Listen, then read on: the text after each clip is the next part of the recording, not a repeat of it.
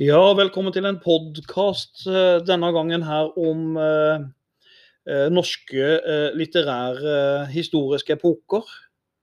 Eh, til stede er eh, Magne, og denne gangen sammen med Markus.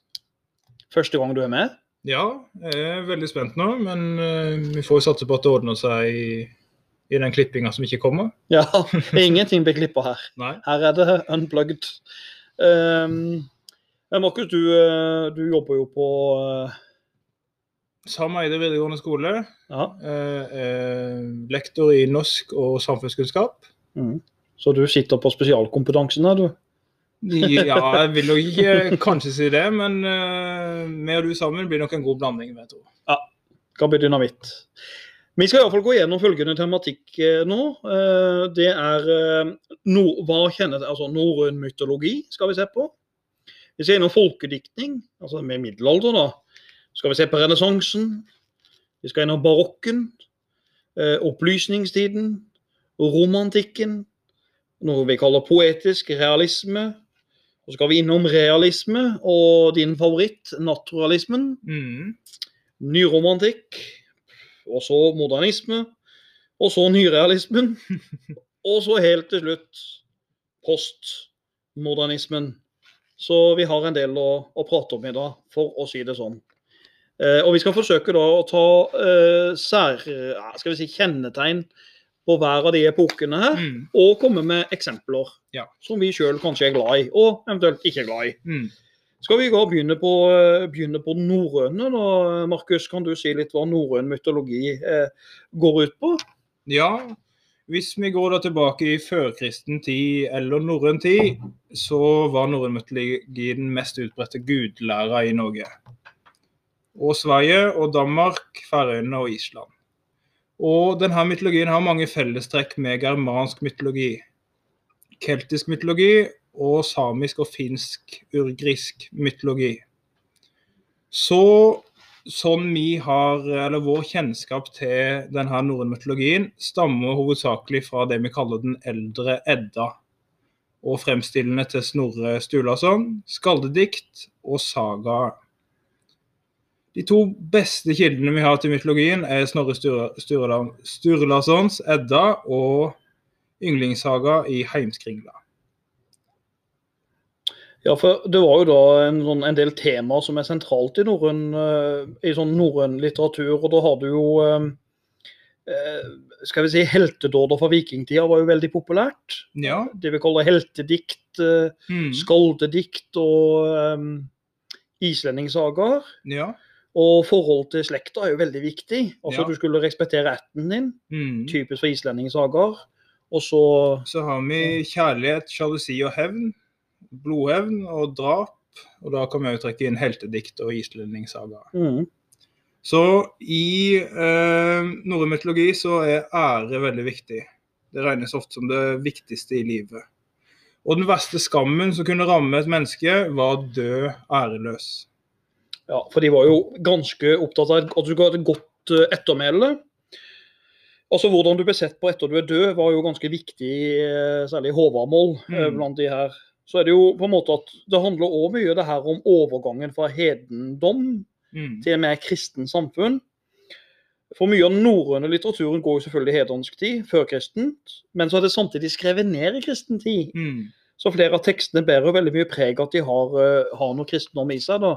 Mm. Sånn De har vel Håvamål som uh, har en del visdomsord. Ja. En del veldig gode visdomsord i Håvamål. F.eks. om vennskap. da.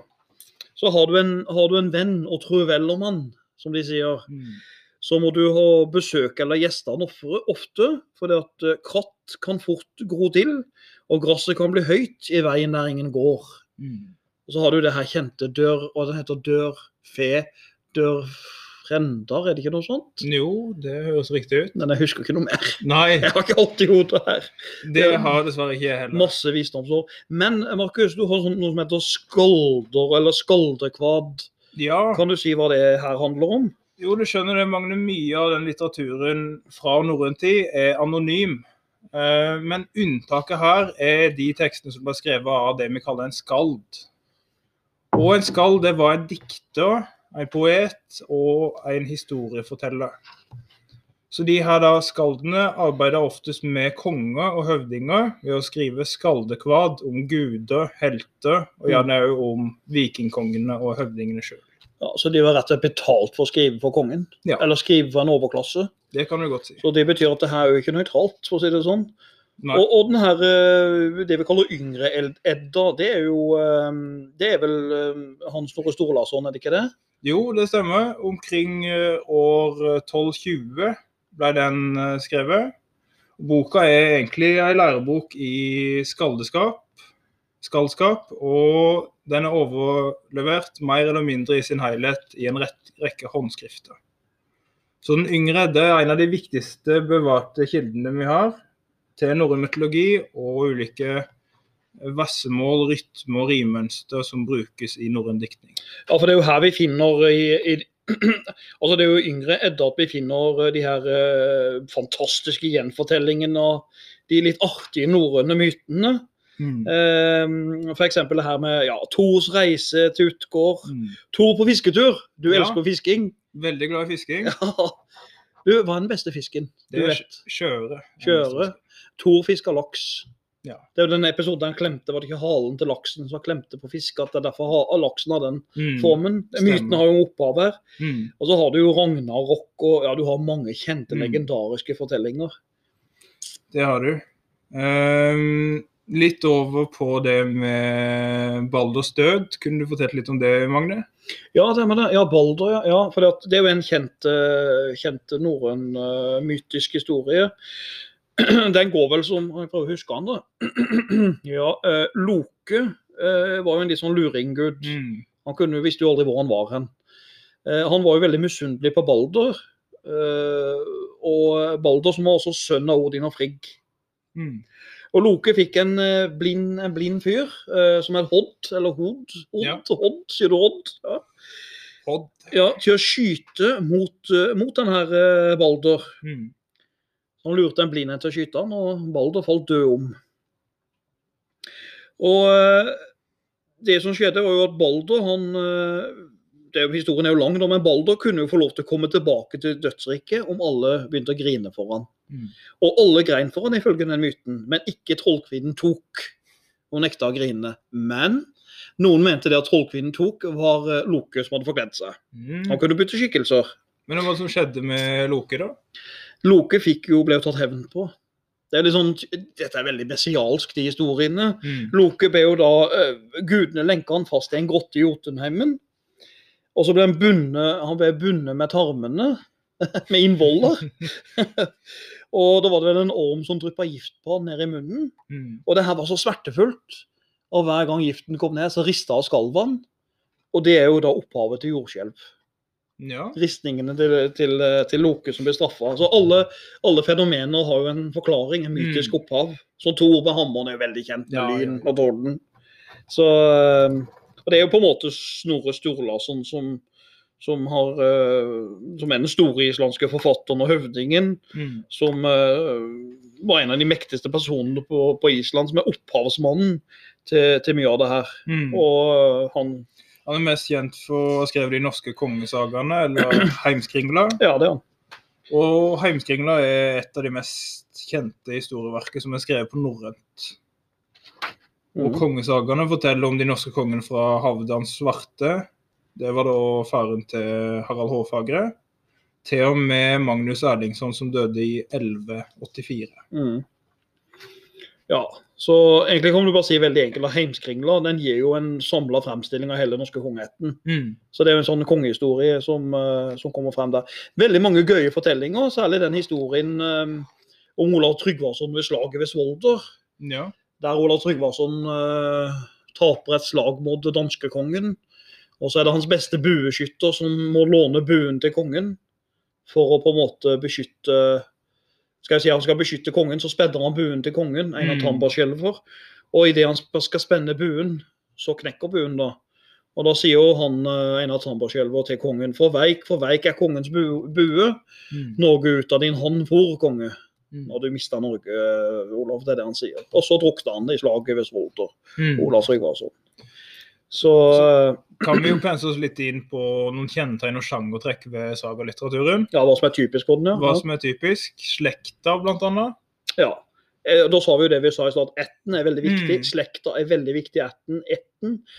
Respekt og ære for, for ætten. Mm. eh, Men samfunnet er jo viktig, tenker jeg. Samfunnet i det Ja. Det tegner jo et bilde av et urolig og voldelig samfunn.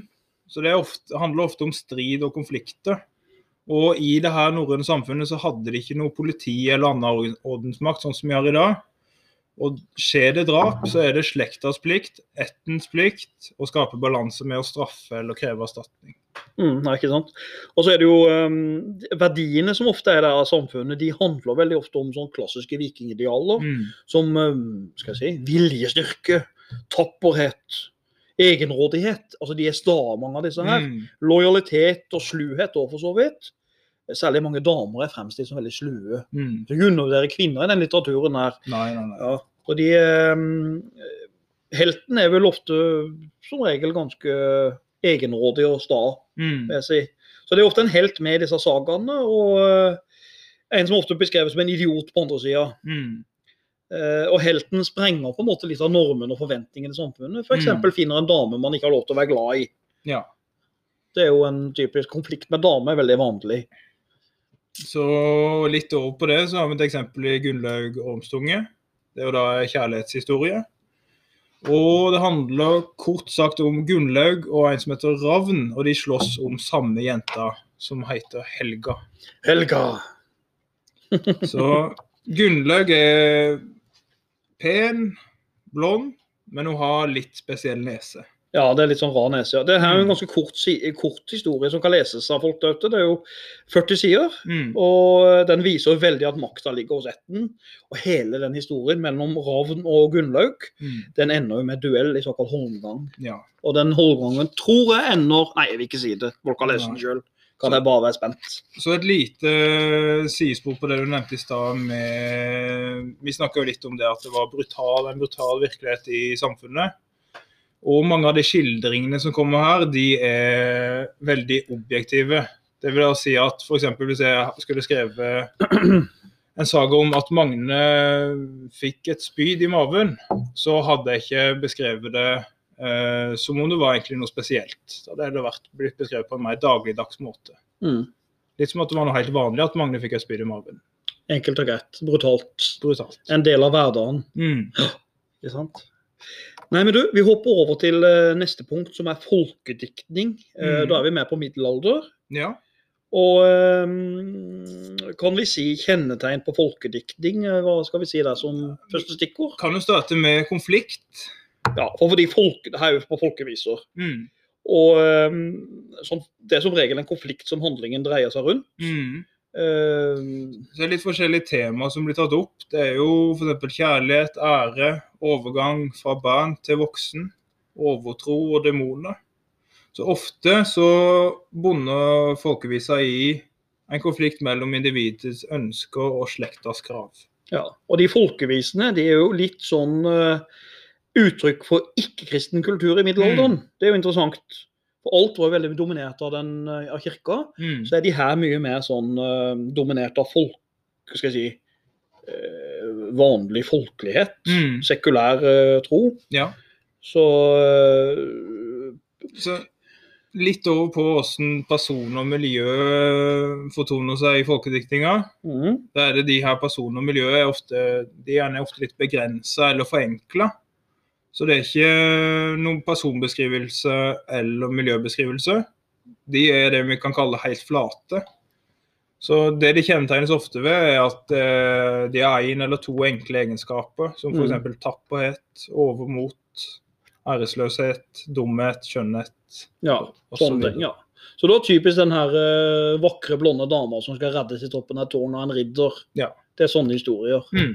Så kan du klatre opp i håret og så dette her. Er det ikke det? det noe sånt?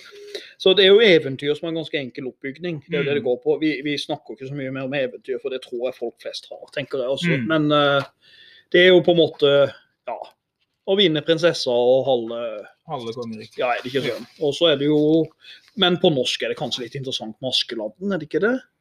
Jo. Som, som er en uh, Skal vi si en eh, jovial Ja, jeg fant det fant. Det er sikkert mange som har hørt før. Da har vi jo Askeladden, eller for dere som eh, skriver på nynorsk, Oskeladden. Så han var jo ikke en ordentlig figur, men det er en oppdikta figur som opptrer som hovedperson og helt og ideal i eh, flere folkeeventyr. Og navnet hans det er skapt av eventyrforfatterne Asbjørnsen og Moe, som reiste rundt og samla inn folkeeventyr. Og så er han litt typisk norske. Han er en eh, en sånn Skal vi si en som deler med seg. Mm. Altså Det er litt den norske likhetstanken, føler jeg. Han deler Ja, ja. liksom med seg de lille han har, og blir belønna til slutt. Mm. Hadde han vært amerikaner, så hadde han øh, hadde han skutt noen. Ja, det kan godt være. Så hadde det vært kineser, så hadde han henretta. Jeg skal ikke si mer. Men renessansen Det er jo litt sånn alle kulturer har ulike syn på ting. Ja, det er sant. Um, Ja, det er mye... jo. hadde det vært russer, hadde forsvunnet i Sibir. Tror sånn vi må er sette, sette bokmerke i denne, Magne. Ja, vi gjør Nå er på, på renessansen. Da er vi i tids... eh, Eller rundt tida 1450 til 1600. Ja. Så er det jo som sikkert mange kjenner fra historiefaget med Magne og andre historielærere, at det er en del ting som historiske perioder, om det er litterære perioder eller når vi snakker rent eh, historiske perioder, så er det ofte at ting avløser hverandre. Så nå får vi et nytt syn på mennesket i renessansen. Og en fascinasjon fra verden og livets muligheter. Og da kan vi trekke linja litt tilbake til antikken. Mm. Eh, for ser vi på betydninga av sånn Enkelt forklart så betyr renessanse gjenfødelse. Og Her kommer antikkens tanker og ideer tilbake igjen. Så de blir opptatt av det skjønne og det vakre. Mm. Og vil male mennesker sånn som mennesker ser ut. Mm. Gjerne legger de vakrere enn de er òg. Ja, ja, ja. Og eh, sentrale temaer er jo rett og slett mennesket i sentrum. Mm. Du skulle ikke rette oppmerksomheten mot Gud nå, men du skulle veldig på en måte eh, Altså forholdet mennesker imellom. Mm. Og da tenker jeg med en gang på eh, I utenlandslitteratur så tenker jeg på Ham, eh, altså, altså William Shakespeare med Hamlet. Mm. Hamlet er jo egentlig et hevndrama. Eh, I det danske kongehuset er det vel, der faktisk eh, Hamlet tar hevn på onkelen som drepte hans far. Mm. Og han venter lenge med å ta hevn, da. Men han, eh, så det, det er liksom et hevndrama, fokus på maktkamp Mm. og sjalusi og grådighet. Ja. Uh, har vi flere andre eksempler? eh? Ja, vi kan jo bare kort nevne sex her òg. For eh, det fins en fortelling som heter 'Piken og eneboeren'. Kort fortalt så går det ut på ei ung pike som er veldig naiv, som reiser ut på en liten reise og møter en munk. Og den her munken eh, lurer eh, denne unge jenta til å fordrive djevelen Mm. ved å ha sex med ham. Oi, spenstig. Ganske spenstig, eh, og det kan jo ses på som en kritikk av jentas at hun er litt naiv, men det kan òg ses på som en kritikk av kristendommen. Ja. Men denne piken eneboeren, er det en del av det vi kaller Dekameronen? Ja.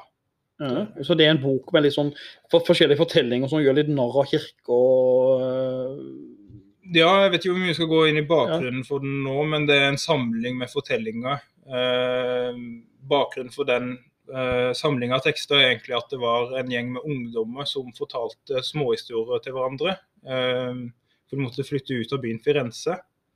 Eh, og så morer de hverandre med å fortelle historier Mm. Så 'Piken og eneboeren' er en av de som Ja. vi finner i Dekmaron.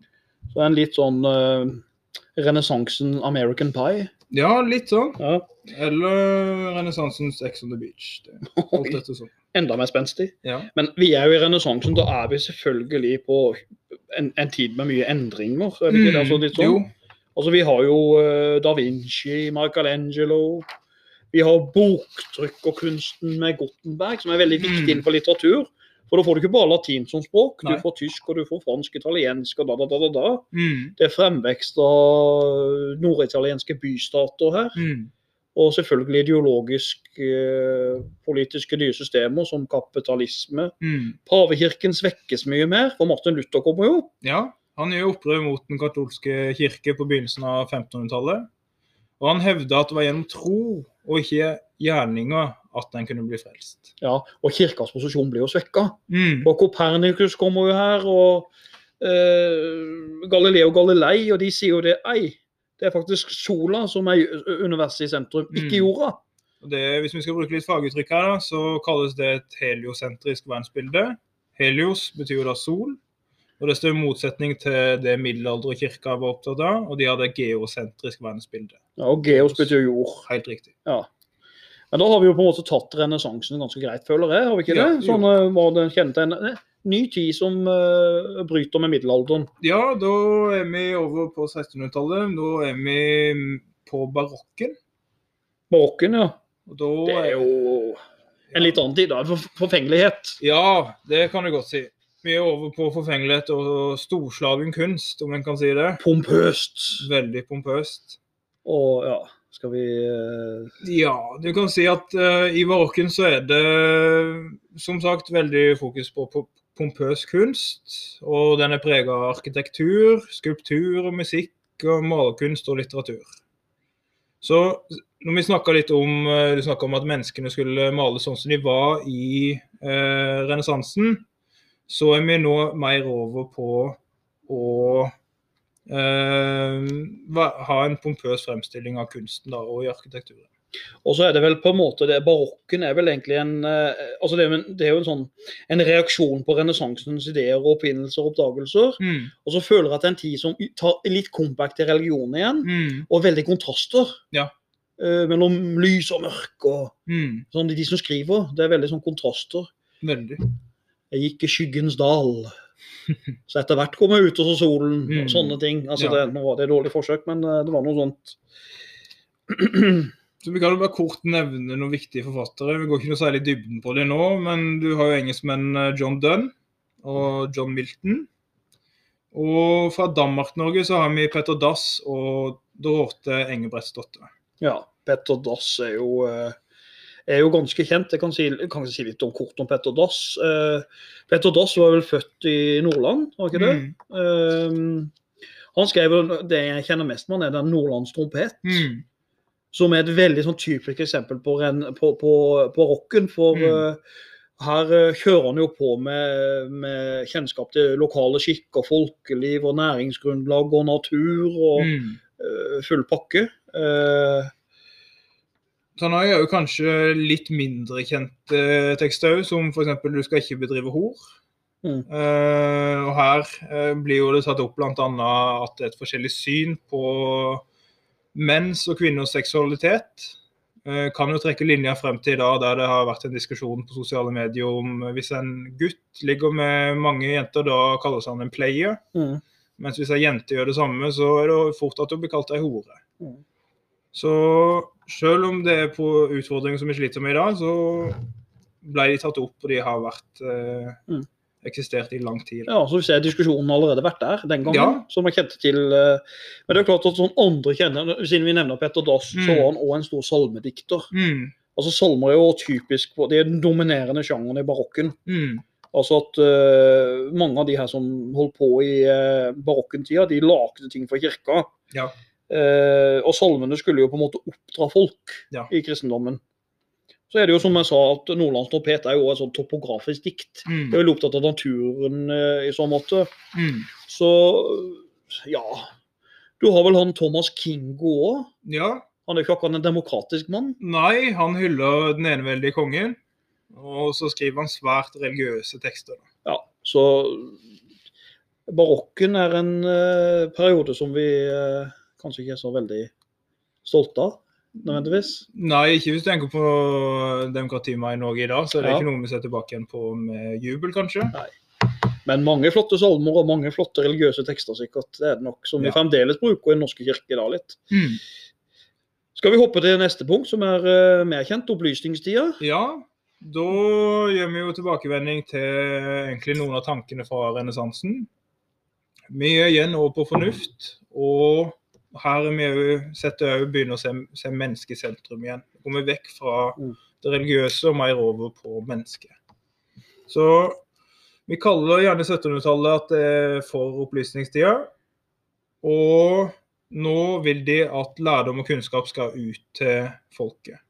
Så som du nevnte da, Magne, den strenge gu- gudstroa som lå i eh, perioden før, den legger en da bak seg nå. Ja, man gjør det. Og nå blir det fokus på For å si det veldig enkelt, det blir fokus på de tre f-er. Mm. Altså uh, fornuft, fremskritt og frihet. Og Mm. dette går jo på opplysningsfilosofene. Vi skal ikke snakke så mye om de nå, men altså man begynner nå å snakke om mennesker har rett til liv, frihet, eiendom, uh, ytringsfrihet, religionsfrihet, alt dette her. Så man begynner å snakke om at mennesket er ikke syndig, mennesket er Mm. godt. Uh, og vi har jo en rekke kjente opplysningsfilosofer i Norge òg. Tenker kanskje da på hva vi kaller, eller forfattere. Da, hvis vi tar Ja, forfattere, ja. selvfølgelig. Mm. Ludvig Holberg er vel et godt eksempel. Ja, eh, han er jo bl.a. kjent for å være tidlig ute innenfor science fiction, hvis det er noen som liker det.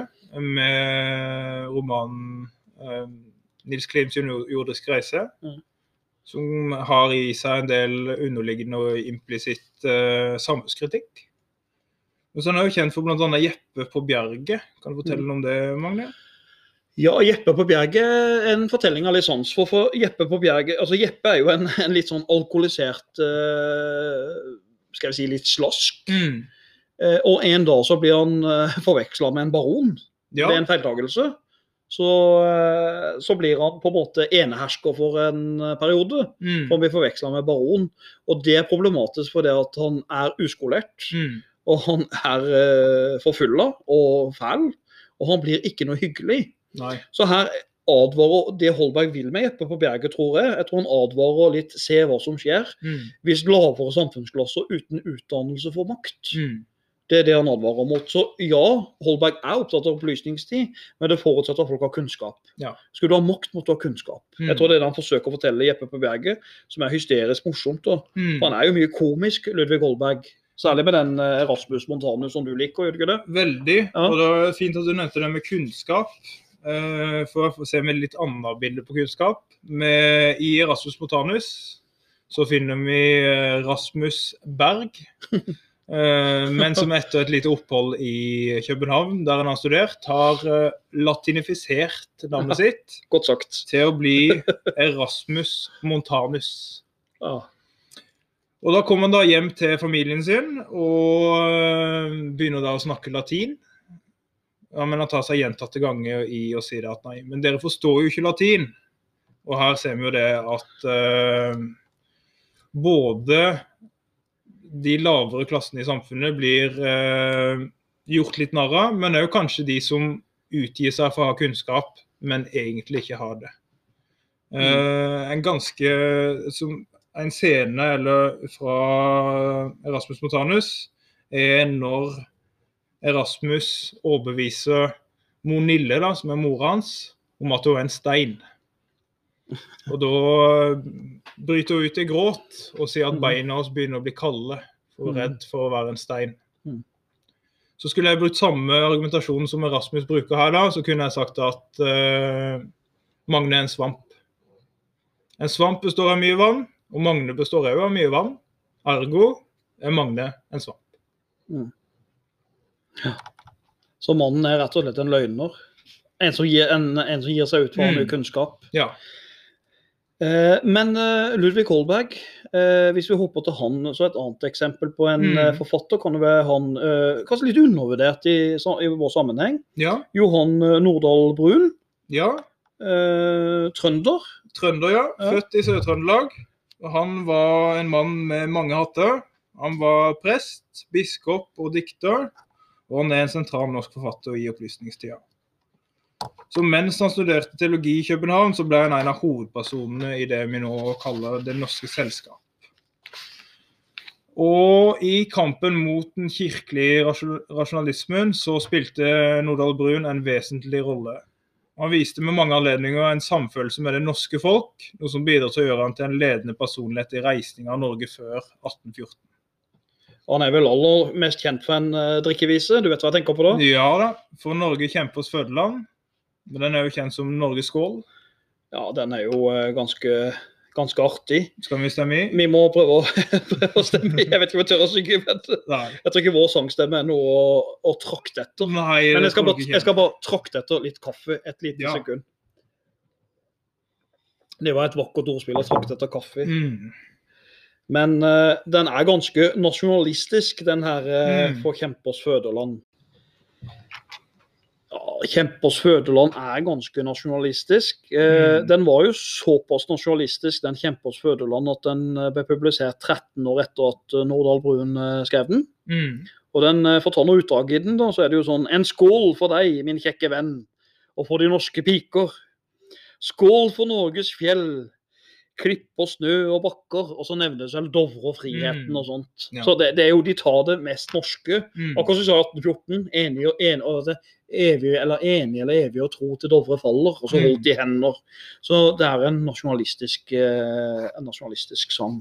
Mm. Men dette med følelser og nasjonalisme kommer inn i romantikken, som er vår neste periode nå. Ja, det gjør det. Og her er kunstnerne og kanskje især eh, dikterne viktige.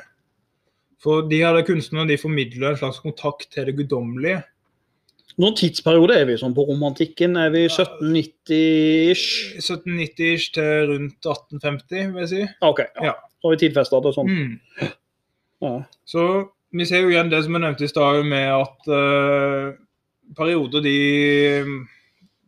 Vi går litt frem og tilbake her, med fra følelse og fornuft, og nå er vi over på en periode der følelse er veldig viktig. Så nå setter en til side det fokuset på fornuft og viten og frihet og fremskritt, de er F-ene til Magne, og så er en over på følelse. Ja, og de, de Altså, romantikerne En del av de er jo på en måte litt sånn kritisk til moderne sivilisasjon. Mm. Og mener på en måte at eh, det moderne har ødelagt kontaktene mellom menneske og natur. Mm. Så de har veldig sånn romantisk eh, følelse. De er nesten ett med naturen. Mm. Og øh, stedet, Du skal ikke forsøke å, å, å på en måte kontrollere og overstyre naturen. Nei. Mennesket bør rettesette naturen. Mm.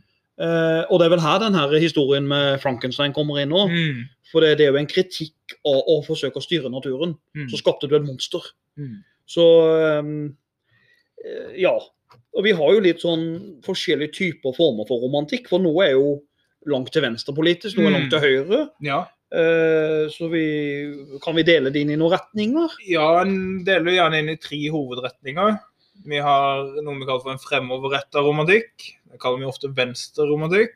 Og tilbakeskuende romantikk. Høyreromantikk. Og nasjonalromantikk. Ja. Den venstreromantikken den tenker jeg er ganske sånn den, den liberale, mer, mest radikale av de. Mm. Eh, den bygger jo kanskje litt mer på den engelske skal jeg si, eh, Litt sånn fra England. Mm. Faktisk den gangen var England litt sånn løssluppen og frie, Ja, ja. fri, fri tøylene. Ikke noe stiff upper lip. Nei, det var ikke det. Det var Nei. litt mer sånn skape forandring. Det var Mm. jo på- kanskje målet. Så det var liksom kamp for frihet og selvstendighet og nasjonalstatens frihet. Mm. Han engelske lord Byron er vel et eksempel som jeg tror faktisk Henrik Wergeland var litt inspirert av. Ja. Men det skal jeg ikke si helt for sikkert. Eh, Men livet til lord Biden var jo prega av veldig mye av skandaler og løssluppen livsstil, med rot med damer og tull og tøys. Mm. Så det er litt sånn typisk. Og i Norge så er det jo egentlig Wergeland som er representant for den. ja. Det, og det kan jeg gjerne se ved hans bruk av frie vers. Som eh, er stikk i strid med det en annen romantiker, en høyromantiker, mente. Welhaven. Ja, Den mer konservative Welhaven som ville ha Mm. faste regler og rytme. og Fast rim og rytme. Ja. Det var han en forkjemper for. For han er jo en del av det vi kaller høyreromantikk, kan vi ikke si det? Mm. Ja. Det er en mer konservativ romantikktype. Så her, istedenfor den engelske, tar han utgangspunkt i den tyske romantikken.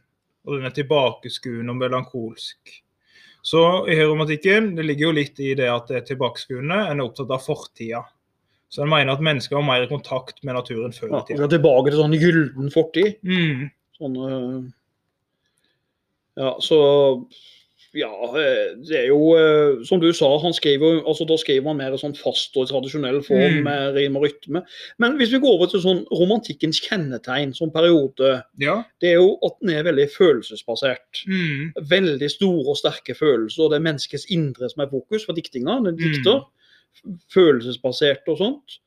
Og, øh, Og ja. når du nevner det med dikt og de romantiske dikterne, så ser de egentlig det, det guddommelige i alt levende. Om det er blomster i gresset, i årstidenes skiftninger, og i alt som spirer og gror.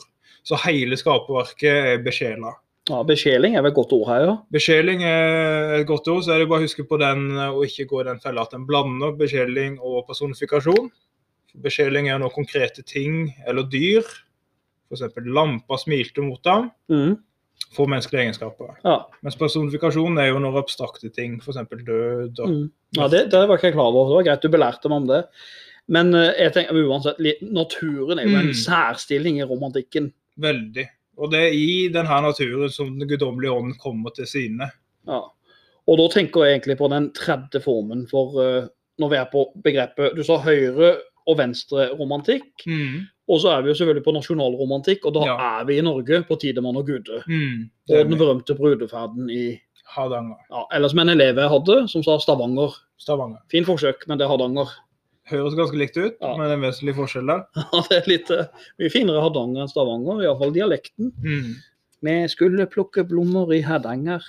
Skal vi si litt mer om han eh, Jeg tenker litt mer Wergeland. altså. For Vi må bare nevne litt mer om Wergeland.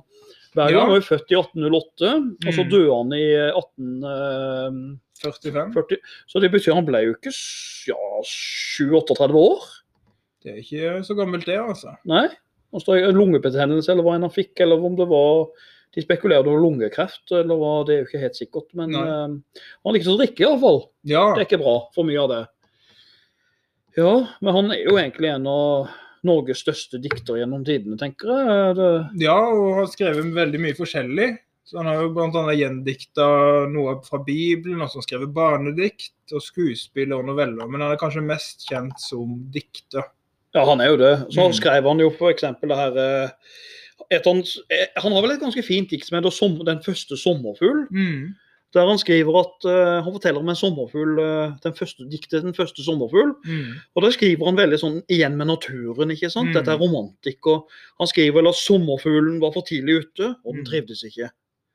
Og det er jo spørsmål om kanskje det her er et bilde på, på han sjøl og eget Mm. samfunnsengasjement. For han var jo veldig engasjert Ja. i samfunnsspørsmål. Mm. Eh, F.eks. med folk som var utafor i samfunnet Mm. lenge før hans tid.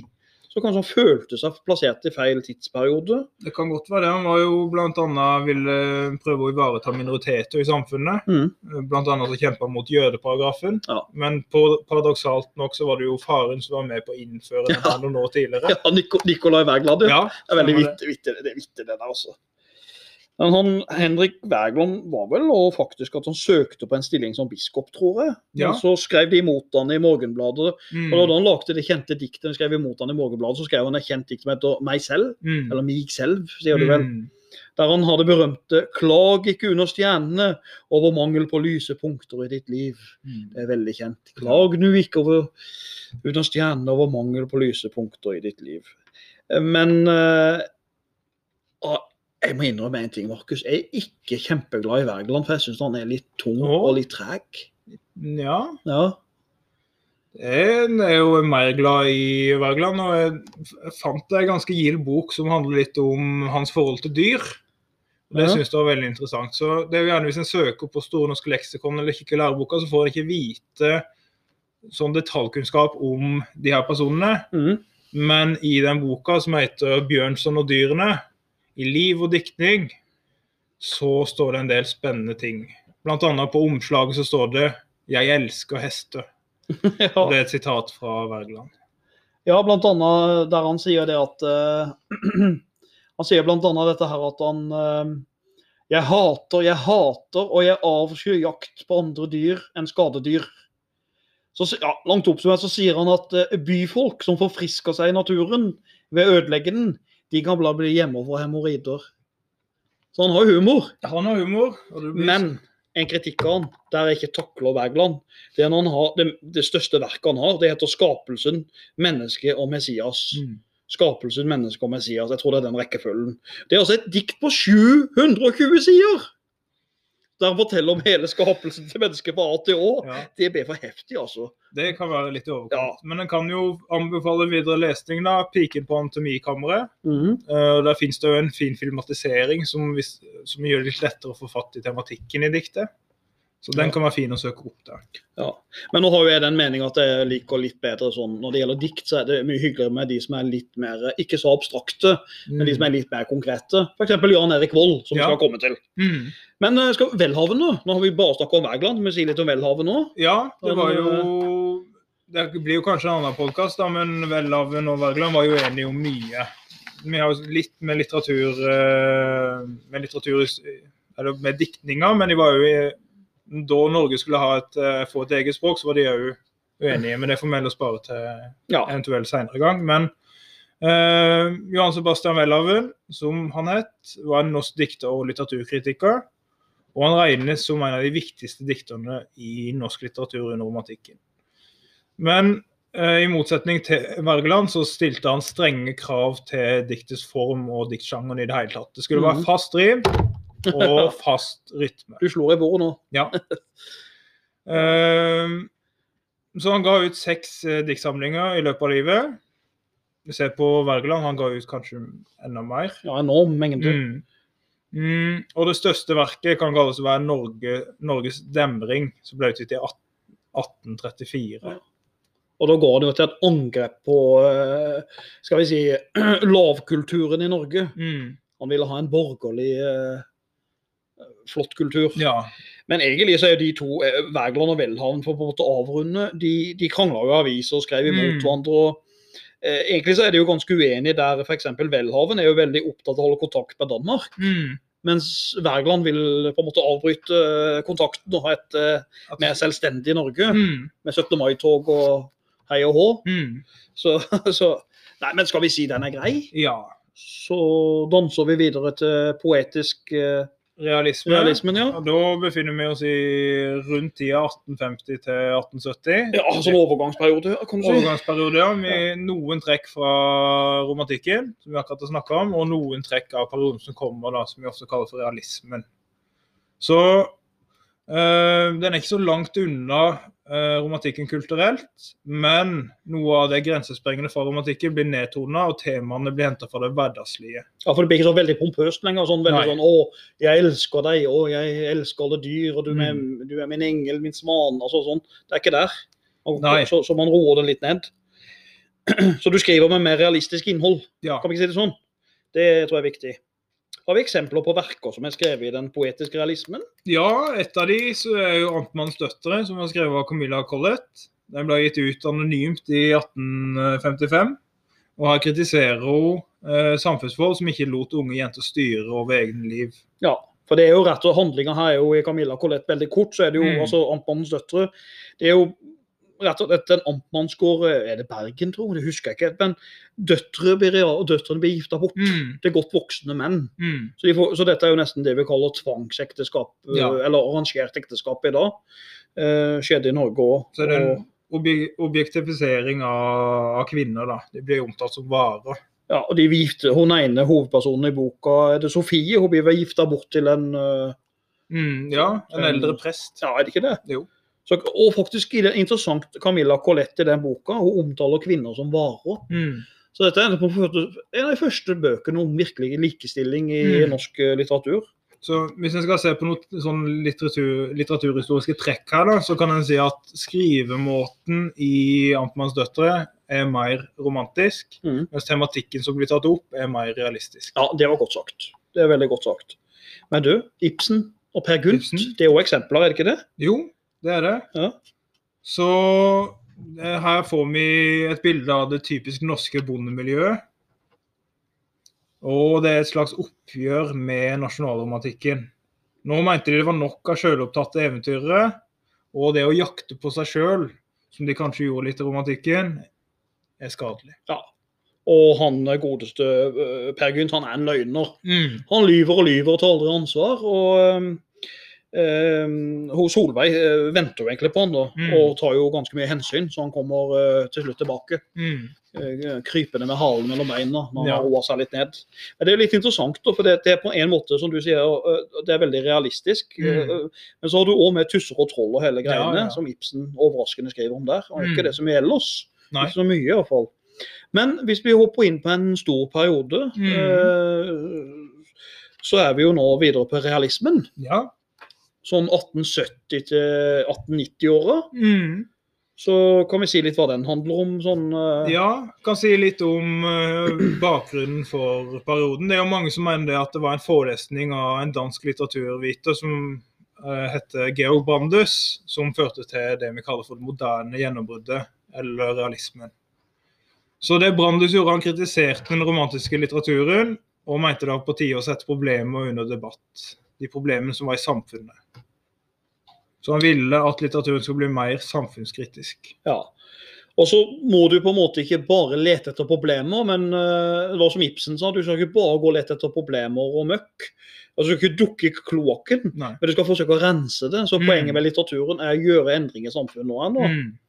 Og øh, en forfatter jeg liker internasjonalt, det er jo Mm. Victor Hugo med Le Miserable, som er en kjempegod historie om fangen Javert, Mm. Som forsøker hele tida å være en god mann. Stjeler noe brød for familien sulter, og så blir han eh, øh, plagt av en politimann som heter Javert i, i flere tiår. Han gir Mm. seg aldri, jakter og jakter og jakter han. Mens øh, det er egentlig ganske, ganske feil. For han Mm. tror det at en, en gang forbryter, alltid forbryter, tenker politimannen Javert. Mm. Men eh, det stemmer ikke her. Men realismen er jo veldig prega av en periode der eh, man får eh, på plass industrialisering, begynner jo. Mm. Så den industrien og teknologien gjør jo at vi får på plass en del samfunnsproblemer Mm. som på en måte realismen legger vekt på nå. Ja. Så øh, jeg tenker det at øh, litteraturen i realismen den er prega av at forfatterne forsøker å vise virkeligheten som den var, Mm. uten å idealisere eller gjøre den vakrere. Og det er en Mm. forskjell på romantikken. Når romantikken forsøker å forskjønne, Mm. så vil realismen, om ikke forstygge, men så realisere, altså vise den hvordan den er. I reelt sett. var, ja. Så den handler veldig om jordnære temaer. Mm. Veldig mye om familieliv, forhold mellom kjønn, samfunnsklasser, fattigdom, mm. urettferdighet. Mm. Eh, ja. Så det er jo i eh, rundt realismen, da, som er, det er flere perioder som kommer, vi skal komme inn på naturalismen senere, Mhm. men i realismen så var det ofte borgerskapet og litt større institusjoner som ble kritisert. Så borgerskapet, skole, kirka ble kritisert. Og vi er jo igjen over på fornuft her, da, vekk fra følelsene i Ja. Og da har vi jo viktige forfattere i, altså i renessansen, re realismen. Sånn. Mm. Eh, La oss si, vi kan ta noen av de. Vi må Ja, ta det. Det Ibsen. Ja. Så er spørsmålet hvorfor er han så populær ennå, da? Det er jo en stund siden han var levde, rett og slett. Mm. Jeg syns jo kanskje noe av grunnen til Ibsen er populær. Vi skal ta litt om Ibsen, han må vi bruke Mm. litt tid på. Han er, han er jo den store i Norge, Ibsen og Ja. Hamsun. Det er to, to tungvektere. Mm. Eh, Jeg tenker det at En av grunnen kan jo være at Ibsen skriver om litt evigvarende temaer. Mm.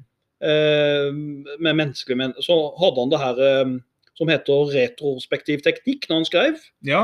Det betyr at noe som har hendt i fortida, påvirker nåtida. Mm. Så et konkret eksempel f.eks. henta fra et dukkehjem. Mm. Når Nora snakker med Kristine, så kommer det fram via dialogen at de snakker sammen.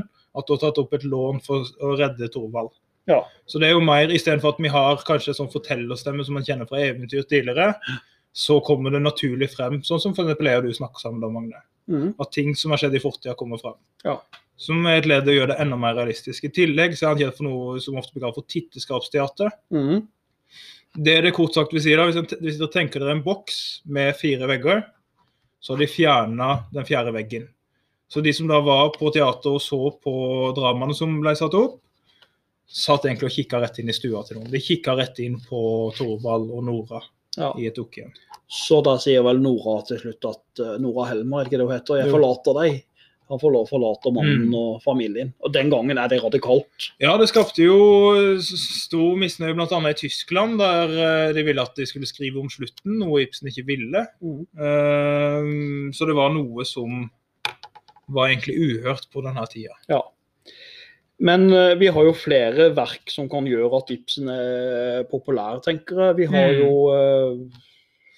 En folkefiende liker jeg veldig godt. Den har inspirert uh, mye av både film og litteratur seinere. ja, Dr. Stockmann, Dr. Stockmann, ja. som gjør hva som helst for ikke, ja, Han er en veldig sannhetssøker, Dr. Mm. Stockmann. Han tjener på å lyve om det her drikkevannet i bygda, Mm. men han velger å, å gå etter sannheten med stor Mm. Så det er jo et godt eksempel på et evigvarende tema. Én mann som står alene mot et stort flertall imot seg. Mm. Uh, såkalt flertallstyranni. Per Gynt har vi allerede nevnt. Mm. Så den er jo egentlig grei, at det er et tema der. Og så syns jeg jo brann kan være interessant. Mm. Altså rett og slett En brann er jo en prest som krever for mye av seg sjøl. Han er jo ganske streng, Mm. denne brann. Han uh, går ut i en storm for å redde noen. og Han blir så ekstrem at folket til slutt forlater han, og så drar de på fiske. Ja, men Så det er litt sånn kanskje kritikk av religion her. mm. Eh, Så det er mye av det, spesielt hvis en tenker skal trekke noen linjer frem til vår tid, da, hvis det er noen som heter Høysommer f.eks., ja. så er jo den bygd opp rundt i samme prinsipper, samme oppbygginger som egentlig Ibsens folkefiende. ja, det er sant. Det, det er poeng. det er poeng. Jeg har jo egentlig veldig altså den, De gjengangere har det litt sans for, som han Mm. skrev om. For uh, gjengangere handler veldig mye om utroskap, kjønnssykdommer, dobbeltmoral. Mm. Uh, der møter du vel um, f.eks. Ja, når de har pastor Manders. Ja. En prest som er ekstremt redd for å bli mislikt i bygda. Mm. Og han gjør det han kan for å bli respektert. Og så er han fryktelig bekymra når han møter en som heter fru Alving, Mm. som han før var forelska i. Og hun har forelska han, men de valgte å holde seg unna hverandre. Ja. Og han plages veldig når fru Olving leser radikale bøker. Mm. Han sier hva slags bøker er det de har i bokhyllen, fru Olving? Og så peker han da og henviser til at hun har Darwin i Mm. bokhylla. Og det er jo egentlig en bok som inneholder faktisk banning, alkoholmisbruk, barn uten ekteskap. En del sånn tabutema den gangen som Mm. uh, Ibsen tar opp. Men enda tristere er jo den her uh, veldig trist historie. Er jo den her med Hedda Gabler? Ja, Hedda Gabler er Mm. dyster, altså. Men den her eh, På en måte en litt artig kvinneskikkelse. Ja. eh, Generalens datter. Mm. Men hun ender jo opp med å skyte seg. Mm. Hun styrer livet sitt sjøl, en veldig egenrådig dame, hun Hedda Gabler. Og så har du Villanden nå, den Ja. er også ganske kjent. Mm. Hva er det den handler om igjen? Er ikke det han uh, Hjalmar et eller annet? Husker Jo. du? Så han her Hjalmar han avskyr dattera si, for det kanskje ikke er dattera hans allikevel. Ja. At det er ikke han som, har, eh, som er faren. Og det ender jo med at dattera tar sitt eget liv. Og Hjalmar han later òg som at han ikke kjenner sin egen alkoholiserte far. ja, for igjen, det er så flaut. Og han, Mm. noen som drikker, så vil vi ikke snakke med dem, vil ikke ta hensyn til dem osv. Så, videre. så Så det er mange sånne historier med, Ibsen som tenker er litt evigvarende tema. Mm. Jeg har jo alltid syntes den var litt bra, den her uh, Rosmosholm òg, som ikke er så kjent, kanskje. Mm. Eh, den går jo også ganske Den er veldig Ibsen blir beskyldt for ikke å være så psykologisk. Ja. Av Hamsun, blant annet. Mm. Men i Rosmosholm så har han mye psykologi med, føler jeg. For eh, det er en, eh, en sterk historie med, Mm. med en som heter Johannes Rosmo, som, som har en kone som har tatt livet av seg tidligere. Og Så finner han en ny dame som, som heter Rebekka, som Ja. utfordrer han veldig. Mm. Og så er det en lang historie, men dette ender veldig tragisk. Da, for at de, dette paret de ender ut, de kaster seg ut i fossen. Mm. Uh, her er faktisk også incest med i bildet, for de som vil lese fortellinga. Den er ganske drøy. Mm. Uh, og Sigmund Freud elska det skuespillet. Ja. For det handler om det ubevisste sjeleliv. Og, Mm. så at Ibsen ikke kan psykologi, den tror jeg ikke er helt enig i. Nei, det kan være at uh, i mange av dramene hans så er karakterene typer. Ja. At de har ikke At de får ikke det innblikket i, i, inni hjernen til Nei. hovedpersonen som man gjør med Hamsun senere. Da. Ja, Hamsun beskriver jo mange folk som er nevrotiske, nesten. Mm. Hamsun og Solstad. Mm. Vi kommer vel til Dag Solstad. Ja. Men Ibsen var jo en ting som er litt fun fact med Ibsen. da, Han var jo elendig. Han, nekta, han hadde jo ikke, han hadde dårlig råd en stund. Og da var han visst ikke så flink til å betale sine egne barnebidrag. Nei. Så han har tulla og tøysa litt sjøl. Mm. Ja, det var mye om Ibsen, men han er viktig. Ja. Han er jo det. Apotekerlærlingen. Mm. Så det kan jo gå litt over på Kielland. For han har uh, en roman som heter 'Gift', som handler om lille Marius. Og her blir jo skoleverket kritisert. Man skal pugge byer i Belgien. Mm. Vi har vært i Belgia sammen. Ja, det har vi. Det Ja. var en flott tur. Det er det. Men byer i Belgia, det, han dør, dør han ikke av det til slutt? Jo, han dør av puggelatin. Ja. Så jo han, Kielland var jo også veldig sånn langt til venstre politisk, føler jeg. For han veldig sånn Gaman og av Vorse, der eh, gikk han vel til angrep på rikes arroganse i Stavanger, Mm. mot de fattige. Så det er borgerskapet som ofte blir kritisert i realismen her. Ja, så Kielland er jo en eh, typisk representant for eh, realismen. Mm. Han skapte jo òg ganske mye splid i regjeringa til Johan Sverdrup i 1885. For da nekta Mm. jo noen å gi han lønn, statlig lønn, for han var så radikal i tankene og kritikken. Han kritiserer, han skriver jo den her Elsa, Mm. som heter Elsa, der kritiserer han jo kristne veldig. Mm. Han tar jo helt av og kritiserer dem og mener de er dobbeltmoralske og, og bla, bla, bla. Men skal vi si litt om uh, Bjørnson nå, eller skal vi ta Ja. litt kort om han? Vi har vært så vidt innom han tidligere. Vi har nevnt han litt, men Eh, eh, Det har vi. Eh, men eh, han har jo bl.a. en fin novelle som eh, heter 'Faderen'. ja. Eh, men han er jo kanskje enda mer kjent for bondefortellingene sine. ja. Som f.eks. 'Synnøve Solbakken'. Den handler jo Det er en historie som, om Torbjørn som kjesker på Synnøve Solbakken. Ja, skal- Eh, et godt sørlandsk uttrykk. ja, det er bra.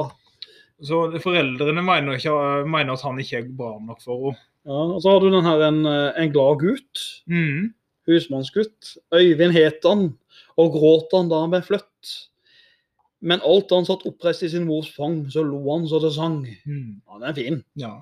Men Bjørnson har jo blitt litt sånn eh, Ikke så mye i norskfaget lenger, for han er så veldig sånn Han er jo litt romantisk og litt realistisk, og Mm. kanskje i flerkulturelt Norge så er det ikke så stas å henvise for mye til Bjørnson lenger. Nei. Så han skrev jo den berømte teksten 'Ja, vi Vi elsker'. elsker. Mm. Men du, det var litt kult det han fikk da i 1903. Ja, da fikk han Nobels fredspris. Nei, nei ikke det Der var krøller tunga seg. Nobels litteraturpris Ja, nei, i 1903. Han kunne jo få søkt på det, da. Ja, han kunne nok det. Mm. Ja, så har du mange andre. Vi kunne nevnt mange. Mm. Jonas Lie er jo en av de som Mm. eh, Han var vel den som solgte best.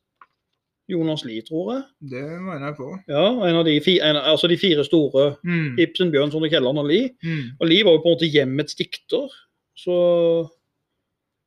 skrev han vel den her livslaven, gjorde han ikke det?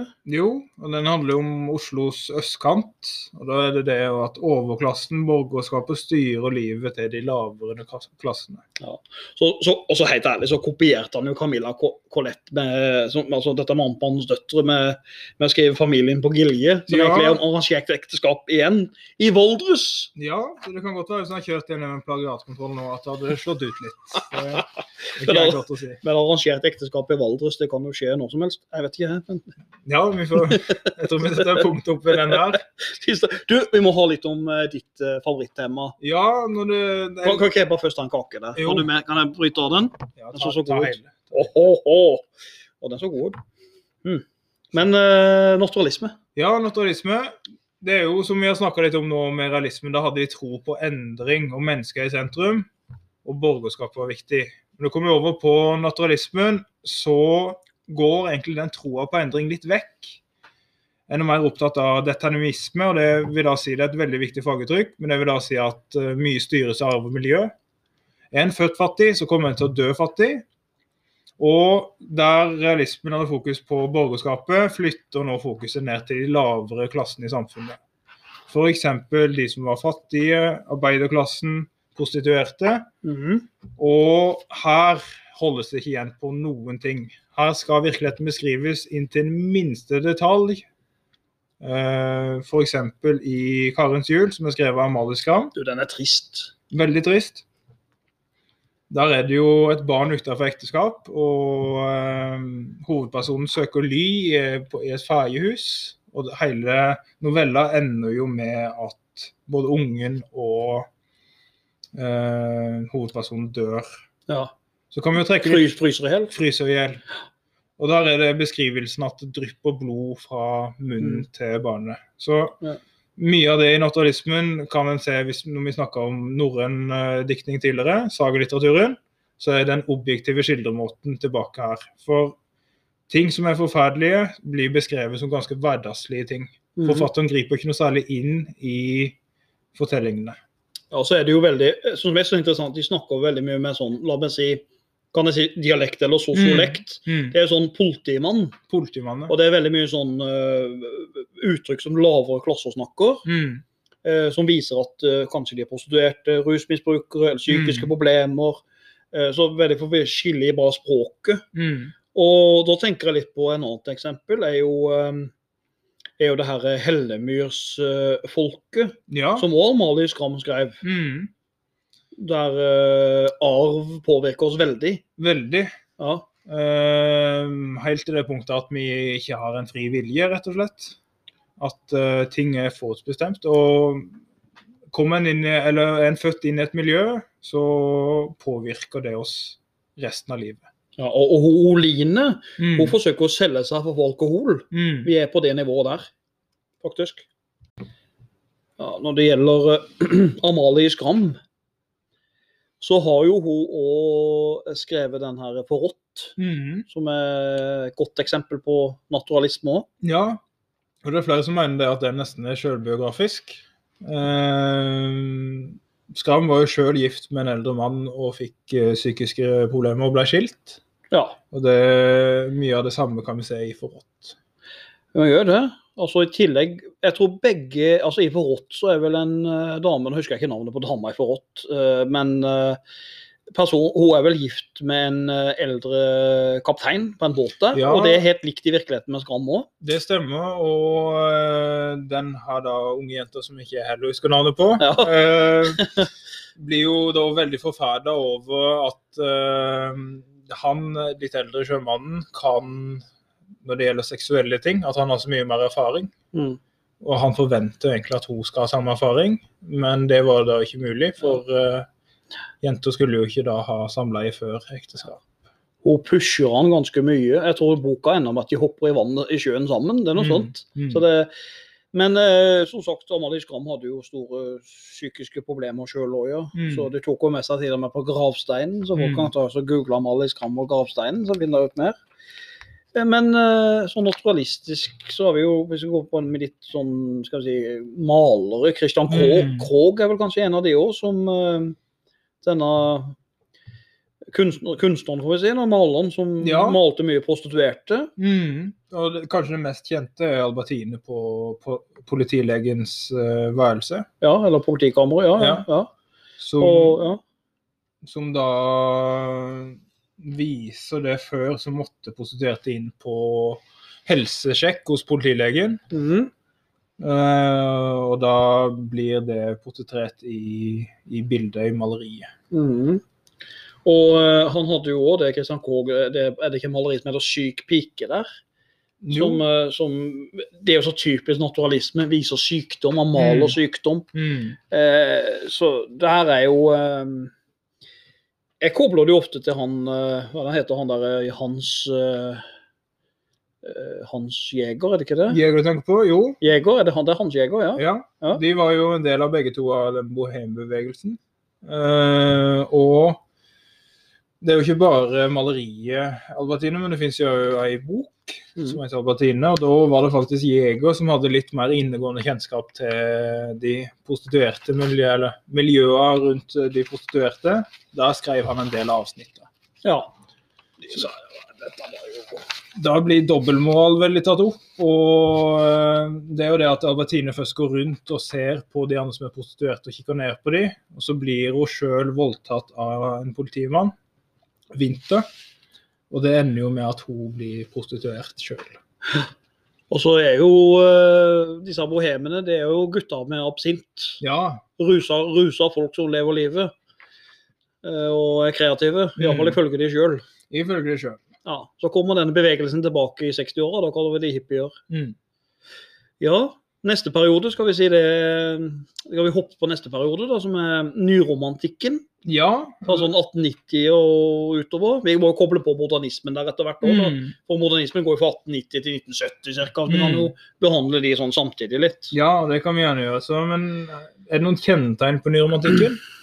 Ja, det er jo nyromantikken. Det er vel litt sånn, For nå har det vært mye realisme. ikke sant? Mm. Fornuft og kritikk, samfunnskritikk. Så nyromantikken er jo gjør følelser comeback. Mm. Mer psykologi. Ja. Eh, mye fokus på, på jeg vil si på angst. Det er jo et Mm. veldig populært uh, tema i dag, tenker jeg. Ja. Uro indre, i mennesket sitt indre. Mm. Ensomhet, Ja. tenker jeg. Mm. Og øh, man skal jo gjerne være litt i pakt med naturen. Mm. Så er vi tydelig hos Hamsun. Ja, Vi kommer til, tenker jeg. Mm. Erotikk og lyster spiller vel en rolle her. Mm. Og så er det jo det at uh, man har vel litt til felles med, med kanskje modernismen, at man kritiserer sivilisasjonen litt. Ja. At den har blitt litt kald, kanskje. Mm. Så det er jo en del likt med modernismen, men jeg tenker det handler mer om kritikk og altså, Men modernismen handler kanskje mer kritikk av selve samfunnet Mm. og endringen som skjer der. Så modernismen i forhold til nyromantikken, så går modernismen mer dypere på det her med ensomhet og særlig begrepet fremmedgjøring. Ja. Når man går nettopp fra bondesamfunn til industrisamfunn. Mm. Og da har vi jo eksempelet med Obsfelder. Ja, jeg ser eh, et veldig kjent eksempel. Og da, der får en jo Følger jo det lyriske jeget fra kloden og helt inn på Mm. Med, Via ulike nivåer. Da. Så her kommer det frem en fremmedgjøring, og det avslutter med Mm. Ja, vi kommer på feil klode. Mm. Så det er mange temaer som blir tatt opp. Fremmedgjøring bl.a., som nevnt, og ensomhet. Mm. Det her går jo egentlig kanskje litt tilbake til eh, hva skal jeg si, skal vi si Kafka, nesten. Kafka som, eh, som skriver om det absurde og veldig rare og helt spinnville. Mm. Der han, jeg vet ikke, det er en bok, er det 'Forvandlingen' det heter? Der han blir forvandla til en bille. Ja. Og politiet arresterer han uten grunn. altså Det er jo, kan du se som helt usammenhengende. Mm. Men en slags kritikk av byråkratiet, kan du si det sånn. Mm. Byråkratiet er jo en del av det moderne som vokser frem. Ja. Så um, tenker litt der. Men um, hvis vi skal si to sånn nyromantiske Vi skal ta noen eksempler på forfattere Mm. her. Så tenker jeg to sånn nyromantiske, delvis også litt modernistiske forfattere kan jo være både Arne Garborg og Knut Hamsun. Mm. Hvis vi kan altså si litt om de. Ja, hvis vi starter litt med Arne Garborg. Han sleit privat da faren begikk sjømot. Så Han ville ikke ha odel på gården. Han kom fra Jæren. Ja. Og han har skrevet bl.a. 'Bondestudenter'. Og da går en fra jorda til byen. Akkurat den omstillinga som du snakka om i stad. Mm. Det kan være en vanskelig omstilling for bøndene. Ja, og det var jo, Den bondestudenten var jo en viste hvor vanskelig det var for norsk eh, bondeungdom å komme inn og studere inn i Kristiania. Mm. Og ikke få respekten de fortjente osv. Så, videre. Mm. så han har skrevet sånne bøker som 'Mannfolk', 'Trette menn', Mm. eh, og så et verk jeg virkelig syns er tungt, nemlig 'Haugtussa'.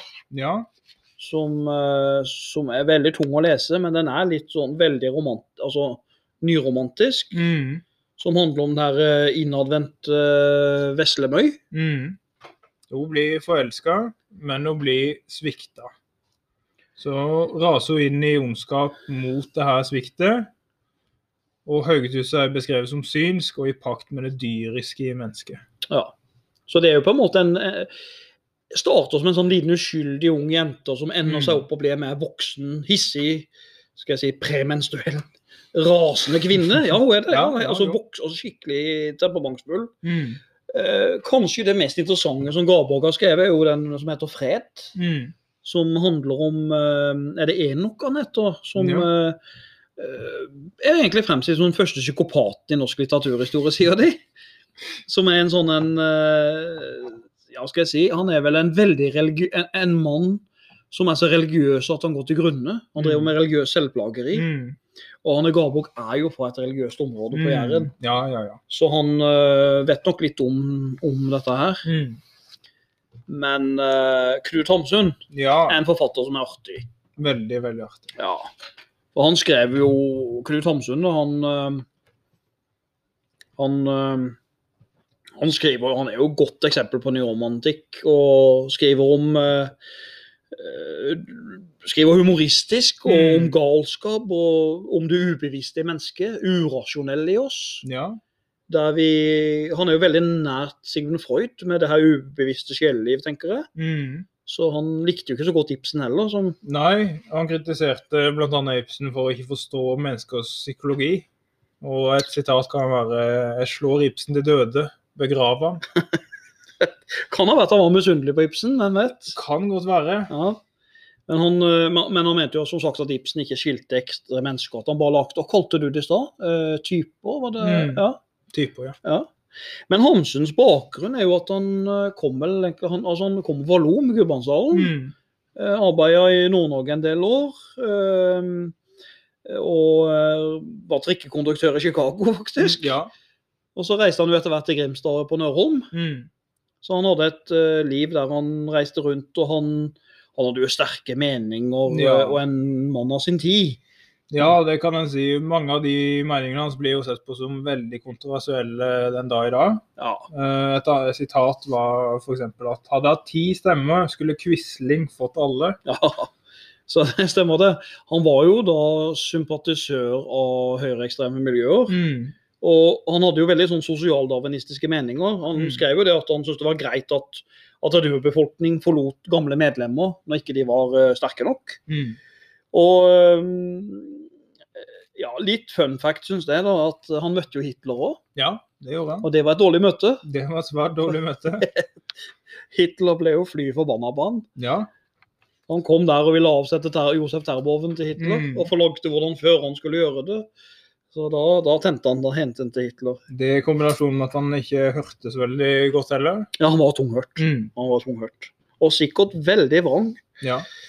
Ja, men han skriver egentlig veldig mye om Her går man vekk fra å skrive om altså ok, Han skriver, han skriver litt om bonder, Markens Mm. Grøde gjør han Mm. det. Men han skriver mye mer om sånn omflakkende personligheter som flytter på seg, reiser, landstryker. ja. Og egentlig folk som er litt kan jeg si, psykisk ustabile. Jeg sier rett og slett det. Ja, i hvert fall i Sult så kan det passe bra. Den er jo skrevet i jeg-form, en personalforteller. Mm. Og Det handler da i korte trekk om en ung kunstner som lever på sultegrensa. Og han gir bort penger til tilfeldig forbipasserende for å holde verdig, eh, verdigheten sin oppe. Ja. Så eh, han er også dette med stolthet Mm. spiller en stor rolle her. Og så har du jo den enda rarere personligheten, er jo i Mysterier, der vi har eh, hovedkvarteret som heter Nagel. Mm. Han kommer til en småby, kanskje Lillesand, Ja. faktisk. Der han, han har kledd seg i gul klesdrakt, og så har han med en fiolinkasse. og så bålet til Nagel, der han skal Mm. sette hele byen, kanskje Lillesand, på hodet, ja. for så å ta livet av seg. Mm. Og da sier han og stirrer inn i veggen, annet på det hotellrommet han er på. Og i den boka 'Mysterier' Mm. så er det jo litt sånn vittig, for der, der erter jo Hamsun Ibsen. Mm. Så, så sier jo på en måte Nagel i den boka at Ibsens skuespill det er jo som et mekanisk kontorarbeid. Men det er litt så typisk de Mm. sære karakterene. Ja. Disse med indre uro, Mm. som han liker å skrive om. Kanskje litt sånn som Pan nå. Ja, da møter vi jo drømmeren løytnant Glan. Han skyter seg sjøl i foten blant annet, og snakker med trær. Han bor alene i skauen med en hund. Og han har lyst til å være i ett med skauen. Mm. Men han, vi kan jo se på kanskje med litt sånn tragisk skikkelse, så han dreper kjærligheten sin i en sprengningsulykke. Ja, så ender han vel opp og bedrept i India sjøl. Mm. Sånn. Han er veldig nevrotisk, han Mm. eh, Pan. Eller løytnant Glan er veldig nevrotisk. Mm. En annen karakter som ikke er så nevrotisk, er jo eh, bonden Isak i eh, den han fikk Nobels litteraturpris for, tror jeg. Ja. Markens, eh, Markens eh, Grøde. ja. ja. Fordi at uh, Hamsun hyller jo Isak som en Mm. fortidens mann. Og han, altså han hyller naturen. Mm. Og setter naturen opp som det store imot den slemme industrialiseringa. ja. Så det er typisk noe nyromantisk trekk akkurat der. Mm. Så, men denne boka har jo noen drøye kommentarer om bl.a. samer og de som er mørkhuda, f.eks. Ja, veldig. Mm. veldig. Eh, oppfordrer folk faktisk til å lese det, for det er spenstig. Mm. Det er det, altså. Vi skal ikke si det her, det er ikke lov. Nei. Det er slemt. Ja, da har vi nevnt gode eksempler, tenker jeg, på uh, nyromantikere. Skal vi gå inn på uh, sånne modernister? Kanskje nevne noen modernister veldig kjapt? Ja, det kan vi gjerne gjøre. Uh, skal vi ta eksempler der? Skal vi ta, hvem skal vi ta? Skal vi ta Taje Vesaas og, Sandemose, f.eks. ja, og eh, frøken Hagerup. Hagerup? Inger Ja. Hagerup. Ja. Det kunne jo vært en idé. Mm. Vesaas, skal vi ta Terje Vesaas først? og ja, snakke, ja? vi kan godt starte med han. ja. Det kan vi. Så han er jo, eller var jo en sosialrealist. Han fra, var fra Vinje i Telemark. Lite fun fact der. Han var fan av Marilyn Monroe. Han elska Marilyn Monroe, Ja. faktisk. Så eh, mest kjente boka han har, som Mm. jeg husker vi leste på videregående, det var 'Fuglene'. Ja. Der han skriver rett og slett om en som er eh, litt tilbakestående. Mm. Eh, og eh, den, fuglene er jo symbolsk, kan Ja. du si. Det er jo det. Jeg skal ikke si hva det er symbolsk for, det får folk finne ut av sjøl, men, eh, men han er jo veldig glad i søstera si, denne eh, Mattis. Mattis heter han vel. Ja. Og eh, han blir veldig forvirra når søstera får en kjæreste. Mm. Det plager han veldig. For han, Mm. og Weser han skriver, skriver veldig kontraster, for det at kjæresten Mm. er alt han her ikke er. Ja. Han er liksom uh, muskuløs og en hunk av en mann. Mm. Så det er veldig sånn i kontraster. Uh, så har han jo den her uh, Islottet. Ja. Ja. Den handler jo om to jenter og deres følelsesmessige problemer. De her to jentene er veldig ulike. Og som du nevnte, Magnus, så likte Vesaas godt kontraster. Mm, Og når en leser Islottet, så kommer det ikke klart frem hva Islottet er, og hva de har trolla symboler på. mm, Noen mener på at det kan være at det er symbol på overgrep. mm. Men én ting er i hvert fall sikkert. Mm. Vesaas i Slottet, som er ganske interessant, føler jeg, selv om det er på Mm. nynorsk. Det er tung å lese, syns jeg. Men han skriver jo eh, at de to jentene er redde for noe. Mm. Det er noe de frykter, og Ja. hva det er, er opp til leseren. Mm. Jeg tror han aldri, ikke sikkert han vet det sjøl, men, eh, men det er et eller annet han forsøker der, tror jeg. Så Mm. Vesaas er en interessant forfatter, tenker jeg. Aksel Sandemose, skal vi eh, si litt om han, tenker jeg. Aksel Sandemose er jo et eksempel en modernist. Ja. Han skrev jo den her 'En sjømann går i land', Mm. og fulgte opp med den her 'En flyktning krysser sitt spor'. Ja, og for kanskje finne en knagg som det kan være greit å henge det på med Sandemose, så kjenner kanskje de fleste til janteloven. Ja. Og den kommer jo da fra en flyktning krysser sine spor. Er det. Eh, så det kan være noe å henge Eller for å huske Ja. det litt med Sandemose. Ja. For hovedpersonen i 'En flyktning krysser sine spor' er han Espen, tror jeg. Mm. Og han, kort oppsummert, da, så føler han at hans følelser og seksualitet er undertrykt Mm. i et veldig lite lokalsamfunn. Mm. Han har litt større ambisjoner, men blir undertrykt av lokalsamfunnet. Mm. Og det er der janteloven kommer inn. Det er jo det det går på. Ja, helt riktig. Så øh, ja, jeg tror det holder om Sandemose, er det ikke det? Jeg Jo. Ikke... Hva tenker du om lille persille? Ja, Inger Hagerup altså? greit nok. Ja, greit nok. Jeg husker Finn Kolvik sang det, han sangeren. Ja. Lille persille i hagen står, lysegrønn kjole og krusete hår. Hvorfor så stille, lille persille, kanskje du ville på ball i år. Det er noe sånt. Ja. Så um, litt sånn barne, barnerim, Ja. barne, men samtidig med en eh, mening bak det. Mm. Eh, der barn skal på en måte finne seg sjøl og finne en mening. Ja. Sånn som det Løvetann-diktet òg. Mm. Den syns jeg faktisk er veldig fin. Jeg husker da jeg var liten. Ja. Der du har en løvetann som står med andre løvetenner i kanten av en åker. Og så har de alltid begynt å blomstre, så noen begynt å blomstre, men det er en som ikke vil blomstre. Mm. Og da kan du tolke det diktet som Ja, skal jeg si? Bilde på livet. Ja, bilde på livet. Kanskje et bilde Mm. på noen blir holdt utenfor i samfunnet. Mm.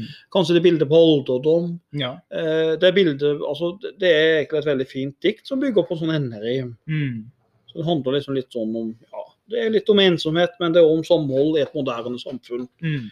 Men hun har jo òg Men det her krigsdiktet, er det hun som har det? Ja, det mener jeg på. Det demrer noe der. Ja.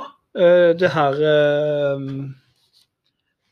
Er det ikke hun som har det i krigs... Det med de brente våre gårder, de drepte våre Der har, der har du den, ja. Ja. La vår hjerte hamre om og om igjen. Mm. Der har du den. Ja. Ja, stemmer. Hun hadde det, hun som har den kjente der, ja. Stemmer, stemmer. Ja, nei, men eh, jeg, har, jeg har forresten jeg til, Vi takler en til. Ja. Det er en som heter En litt ukjent en, men jeg tror han heter Rolf Jacobsen. ja. Kan det stemme? Ja. Landskap med gravemaskiner, tenker du på? Ja, det var det jeg tenkte på. For han er Mm. typisk modernistisk eh, dikter, han òg. Mm. For han, han har jo liksom Han beskriver byliv, trafikk, eh, maskiner, setter opp by mot natur. Mm. Nesten sånn i opplysningsfilosofen Rossås ånd, at du skal Mm. back to nature. Og eh, så skriver han jo det at gravemaskinene de spiser av skogene mine. Mm. Ikke sant? Og så sier han at de, eh, de, har, altså de, de har bare øyne i baken. Mm. Og de har ikke, de har ikke noe sjel. Altså det, det Ja, de spiser av skogen min i de Mm. fæle gravemaskinene. Så det er litt sånn modernitetskritikk, føler Ja. Mot de teknologiske nyvinningene som da har kommet. -hmm. Ja, men her, var, her fikk vi med mye. Ja, jeg Hæ? føler vi får dekka en del nå. Skal vi bevege oss litt videre? Vi gjør det. Jeg tar et lite brudd til av de her kakene. du med. De var Ja, veldig gjør gode. Du må ikke gi kaker til menn over 100 kilo, da tar vi det. Du har fortjent det. Hoho. Så øh, kanskje mens du gomler i deg litt eh, sjokoladekjeks, så kan vi bevege oss over til nyrealismen, Mhm. som er i perioder 1905 til ca. 1940. No. Og Her ligger fokuset på arbeiderklassens perspektiv. Så arbeiderklasse og naturen blir dratt inn i litteraturen. Tenker vi litt tilbake i tid, så hadde litteraturen skildra borgerskapserfaringer i f.eks. realismen. Mens i nyrealismen så blir litteraturen skrevet av og for arbeiderne, og de utafor samfunnet. Og det er flere som tenkte det at uh, de som hadde med seg de her uh, erfaringene, eller de da som var arbeidere, hadde med seg nye og viktige erfaringer til litteraturen. Okay, ja. F.eks. fra oppvekst i fattighus, fra at de hadde arbeidet i industri og gruvedrift, fisker, som jeg er veldig glad i, da, mm eh, jernbaneutbygging og veiarbeid. ja. Så mange av forfatterne har jo sjøl erfaring på arbeidsledighet, jeg tenker jeg. Og mm. de var veldig opptatt av klasse, klassekamp, av og til nesten klassehat. Mm. Eh, solidaritet kan ha vært viktig her. Og eh, den litteraturen har jo egentlig, tenker jeg, sånn nyrealismen, så har litteraturen veldig detaljerte beskrivelser av den moderne byen. Mm. Nesten på grensa til kjedelig. Ja. For de går så i detalj. Sånn som han øh, han øh, Oskar Bråten, Mm. som skrev, han skrev en bok som heter 'Ulvehiet'. Om eh, bo- og leveforhold langs Akerselva. Ja. Og den, altså, det, Han var jo oppvokst Hagen i Oslo sjøl, Mm. så det er sikkert litt biografisk, det og Men det går veldig detaljert Mm. på dette miljøet. eh, Og eh, beskriver blokker og beskriver veldig detaljer. Men eh, en ganske viktig forfatter Skal vi ta noen viktige forfattere? Ja, vi sa Oskar. Bråten, har vi flere? ja Har vi- Sigrid Undset, f.eks. Ja. Liten fun fact der. Mhm. Hun skrev eh, alltid om natta mens hun røykte. ja. Så en røykende katolikk, det er ikke verst. Nei, det er ikke galt. Så Jenny, blant annet, som handler om vennskap og kjærlighet i Roma. Og da fører det til, Magne? Ja, altså hun Jenny blir vel eh, Hun skriver jo at denne her Jenny-karakteren ble ganske destruktiv, for hun mister et barn. Mm. Og Undset hadde jo reist en del i utlandet, så hun likte nok å skrive. Jeg tror hun var veldig glad i Roma. Mm. Men mest kjent av Undset, det er jo en, eh, en film som holdt på å ta livet av meg. Kristin eh, Lavransdatter. Ja, Eh, den er lang den er lang. og seig, Mm.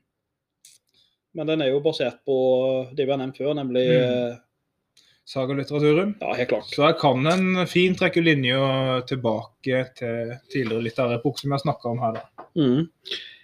Hun fikk vel faktisk Nobels eh, litteraturpris for Kristin Lavransdatter. Jeg regner med det var for den, i 1928. Ja, det mener jeg på. Og da var hun veldig sympatisk. Hun ga vekk veldig mye av, mye av pengepremien Mm. eh, til et eller annet legat for en organisasjon for psykisk utviklingshemma. Mm. Så eh, sympatisk. Ja. Men eh, jeg tenker også på en sang jeg har hørt en gang, når det gjelder eh, forfattere i, eh, i, eh, i, ny, i den her nyrealismen. Et, Ja. et lite wienerbrød ja, da fra Sørens bakeri får tankene på glid. Da er du inne på Bør Børson. Bør Børson, ja. Ja, Og da er vi på Johan Falkberget. det er vi. Arbeiderforfatteren fra Røros. Ja, skriver en del om gruvemiljøet. Ja, han jobba faktisk sjøl i gruver. det gjorde han. Og medlem i Arbeiderpartiet Mm. i et par perioder på Stortinget. Ja. Han uh, hylla det her miljøet som han sjøl var en del av. Mm. Så eh, litt, litt, kanskje er han litt sånn som han her eh, Hva det heter det? Arbeidsnever? ja, du Er det en slags- på Ja. Litt sånn utgave at vi er Med det å beskrive det en har uh, kjent på sjøl, kanskje den novellesamlinga, tenker du på? Ja. Ja. ja. Syns det er litt interessant med Folkberget, trønderen Folkberget. Mm. Eh, vi har vel eh, Hvis vi tar til en, Er det er han fra Namdal, tror jeg? Eller er han, der Olav Duun er vel òg en eh, sånn typisk nyrealistforfatter? Ja, han viser jo bl.a. mennesker i kamp med rå natur. Ja, det Juvik-folket tenker jeg særlig på da. Ja, De var min bestemor så glad, husker jeg, Hun leste Juvik-folket. Ja. Om han, eh, som handler om han eh, Det handler vel om Odin. Mm. eh, som eh, opplever spanskesyka, Ja. som var plagsom i den tida. Så du er vel i Mm. 1918, regner jeg med? da, noe Ja. sånt. Så må han jo hente medisiner i et uvær for å redde en eller annen dame. Og da eh, kom han i en eh, altså, Boka handler altså Det er jo ganske svært verk, det her Juvik-folket, Mm. men det handler jo i bunn og grunn om den gode Odin mot den litt mer ja, skal jeg si, nesten onde Lauris. ja. Og så er det ender de opp med at kun én av de kan overleve. Mm. Altså Det er kun plass til én i en båt, er det ikke sånn? Jo. Og Da velger faktisk Odin å ofre seg. Så han er nesten litt religiøs òg, når han ofrer Mm. seg for den gode sak. Kanskje det er derfor Olav Duun sa det berømte sitatet at eh, det vonde drep du ikke med. Øks. Ja. Du trenger bare hagle. Nei da. Det tror jeg ikke han sa. Nei. Ja. Kan vi jo nevne Arnulf Øverland. ja. Han er kjent for bl.a. kristendom tiende landeplage. Ja, den er kjempeartig. Så du har litt mer kjeks, ja? Ja, jeg tar ikke. Ja. Da, der fremstiller han Gud, eh, for å si det litt enkelt, da, som et 14 liter barn. Ja. Og det er snakk om å ete Guds legeme. Mm. Det tolker han som kannibalisme. Han skrev Ja. At kristne er kannibaler. Det er ganske drøyt. Mm, Det er ganske drøyt. Mm. Og Den hellige ånd ble vedtatt med klapp flertall på kirkemøtet i Nikea.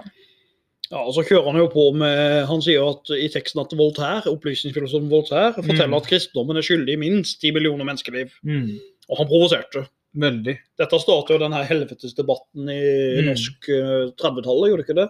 Jo, Det er tenk, tenker du på Ja, tungetalldebatten? ja med Mm. Hall Hallesby og en kulturdebatt. Mm. Jeg lurer på om han holdt på Jeg lurer på om måtte i domstolen for den her òg. Ja. det- Men jeg tror han ble frikjent for ytringsfrihet. Mm. Så um, Men han har jo det her berømte Øverland har jo det her berømte Du, du må ikke sove. Ja, da er vi litt over på med krigslyrikken igjen. Du skal, må ikke tåle så inderlig vel den urett som ikke rammer deg sjøl. Det er jo en fin advarsel mot å være likegyldig. Ja. Adv altså ikke være likegyldig, bry deg. Mm. Øverland havna jo forresten sjøl på Han var vel i Grini og eh, den andre konsentrasjonsleiren, hva den heter den? Schaffenhausen. Ja, Sach Sachsenhausen heter den. Sachsenhausen. Sachsenhausen. Men han overlevde der, Mm. så ja. Så kan jo nevne noen Nordahl Grieg òg. Ja. han var faktisk krigsreporter, men han omkom da flyet ble skutt ned over Tyskland i 43. Mhm. Og han har bl.a. skrevet 'Til ungdommen', som er et arbeiderdikt. Det ble brukt i allsang etter Utøya. ja. Til ungdommen, ja. Det er jo fremdeles så er det er det ganske populært. Ja. inntrykk av. Så ja. Ikke dumt, ikke dumt. Ja, nå nærmer vi oss noen eh, ganske et, eh, et tøft tema her, tenker jeg. ja. Gjør vi ikke det? Jo. Og nå skal vi inn på noe som er litt uh, uklart for mange. Ja. Så nå må dere følge godt med hvis dere Mm. hører på det her. Hvis dere har hengt med så langt, så er det bare å spisse ørene nå. Ja. Nå skal vi over på postmodernismen. Regner sånn cirka fra 1980 og utover. Mm. Og postmodernisme bruker vi ofte om litteratur, film, kunst og arkitektur. Ja, For å prøve å forklare det, hvis jeg først jeg er jo en filmnerd, så jeg forsøker først å forklare det med film. Mm. Hvis jeg tenker en postmodernistisk film, så er ofte de filmene lagd uten at de har noen rød tråd i historien. Mm. Uh, det er ikke noe poeng med fortellingen, annet enn det poenget karakterene sjøl, altså Mm. handlingene de sjøl gjør. Uh, det er ikke noe sånn mål med samfunnskritikk nødvendigvis, eller noe romantisk fremstilling. Nei. Eh, hvis vi tar eksempel Quentin Tarantino, Mm. som er en, vil si en postmodernist. Ja. Hans mål er egentlig bare vold for voldens skyld av og til. Det er ikke Ja. noe fortelling annet enn vold. Og han setter sammen, en typisk postmodernist setter sammen mindre biter til en Mm. helhet. Han blander litt, han stjeler fra forskjellige sjangere. Han stjeler fra westernsjanger, han stjeler litt her, han stjeler litt krigssjanger, han stjeler alle sjangere Mm. og setter sammen Eh, Twin Pics er også et eksempel. Mm. Kunsten til Andy Warhol, som malte suppebokser. Ja. Helt poengløst, egentlig. Mm. Eh, så Man sier jo ofte at de her eh, store fortellingene er døde. Mm. Og at folk må på en måte sjøl skape egne fortellinger og finne sjøl mening i livet. Mm. Og eh, man har mer rom for mangfold og, og, og tolkningsfrihet. Mm. Det høres sikkert diffust ut, men eh, det postmoderne er litt, er litt der, altså. Ja, så det, er det, det åpnes opp for at mennesker sjøl kan skape sine egne små fortellinger og finne sin mening i livet. Ja. Og nå er vi over på men Du nevnte jo Jan Erik Vold i stad. Mm. Eh, Han er jo et, eh, kan jo være et eksempel der, jo. Mm. I uh, høyeste grad. Jan Erik Vold, ja. ja. Han hadde jo det trikkeskinndiktet. Ja, stemmer. Så jeg tror jeg skal ta et lite utdrag fra det, for jeg har det her foran meg. Så jeg vil ta og lese litt eh, fra det. Som et eksempel på ja, delvis et modernistisk dikt. Han, er, kan, han kan plasseres både med modernisme, Mm. men òg postmodernistisk. Skal forklare litt hvorfor etterpå. Men ta inn litt av diktet, da. Jeg, eh, og tenk å lese hans Jan Erik Volds kjennetegn er jo nettopp at han er så god, Mm. god til å fortelle dikt. Så skal jeg prøve å gjøre det. Det er ikke like gøy med meg, men OK. Men han skriver iallfall Tenkte jeg skulle skrive et dikt om trikkeskinner. En gang begynte jeg på ett. Byen ligger bundet i sitt nett av trikkeskinner. Kom ikke lenger nå. Gå ut og se på trikkeskinnene. De binder ikke byen fast, de ligger nedfelt i gaten med brostein, solidarisk på begge sider. Gå ut og se på byen, den er ikke bundet. Byer kan ikke bindes, nei, trikkeskinner er til å legge femøringer på. Så videre. Mm. Eh, det her kan jo høres litt eh, tøysete ut på en måte, Mm. men han skriver rett og slett veldig konkret. Veldig konkret. Det er eh, i motsetning til f.eks. romantikere, så er det Mm. veldig sånn anti-abstrakt. Mm. Eh, her er det konkret om trikkeskinner. Og språket er jo eh, veldig hverdagslig. Ja. Eh, sånn som vi kjenner Jan Erik Aall fra før. og Han har jo skrevet et dikt som heter 'Vondt i ryggen'. Mm. Og han har skrevet 'Furukongler'. Eh, så det er hverdagslig. Eh, down to earth. Eh, og det er litt sånn kanskje postmodernistisk at det er og individualistisk, for han bruker et veldig sånn uformelt hverdagslig språk, Mm. der han trekker inn litt sosiolekt. Han sier senere i diktet at eh, Så kommer han senere i diktet, og så bruker han ord som grass og hue og, og, og, og hue. Mm. Eh, og det er jo en østkants-Oslo-sosiolekt. Mm. Da jeg syklet, så gikk jeg en gang på huet foran læreren. Ikke sant? Mm. Eh, så eh, Jeg vil jo si Jan Erik Vold er en sånn sett ganske interessant person i eh, diktsammenheng. For han er veldig en folkelig person som bringer det ned til. Jeg tror egentlig poenget til Jan Erik Vold kanskje er at han nettopp ikke har noen stor plan med dikta sine.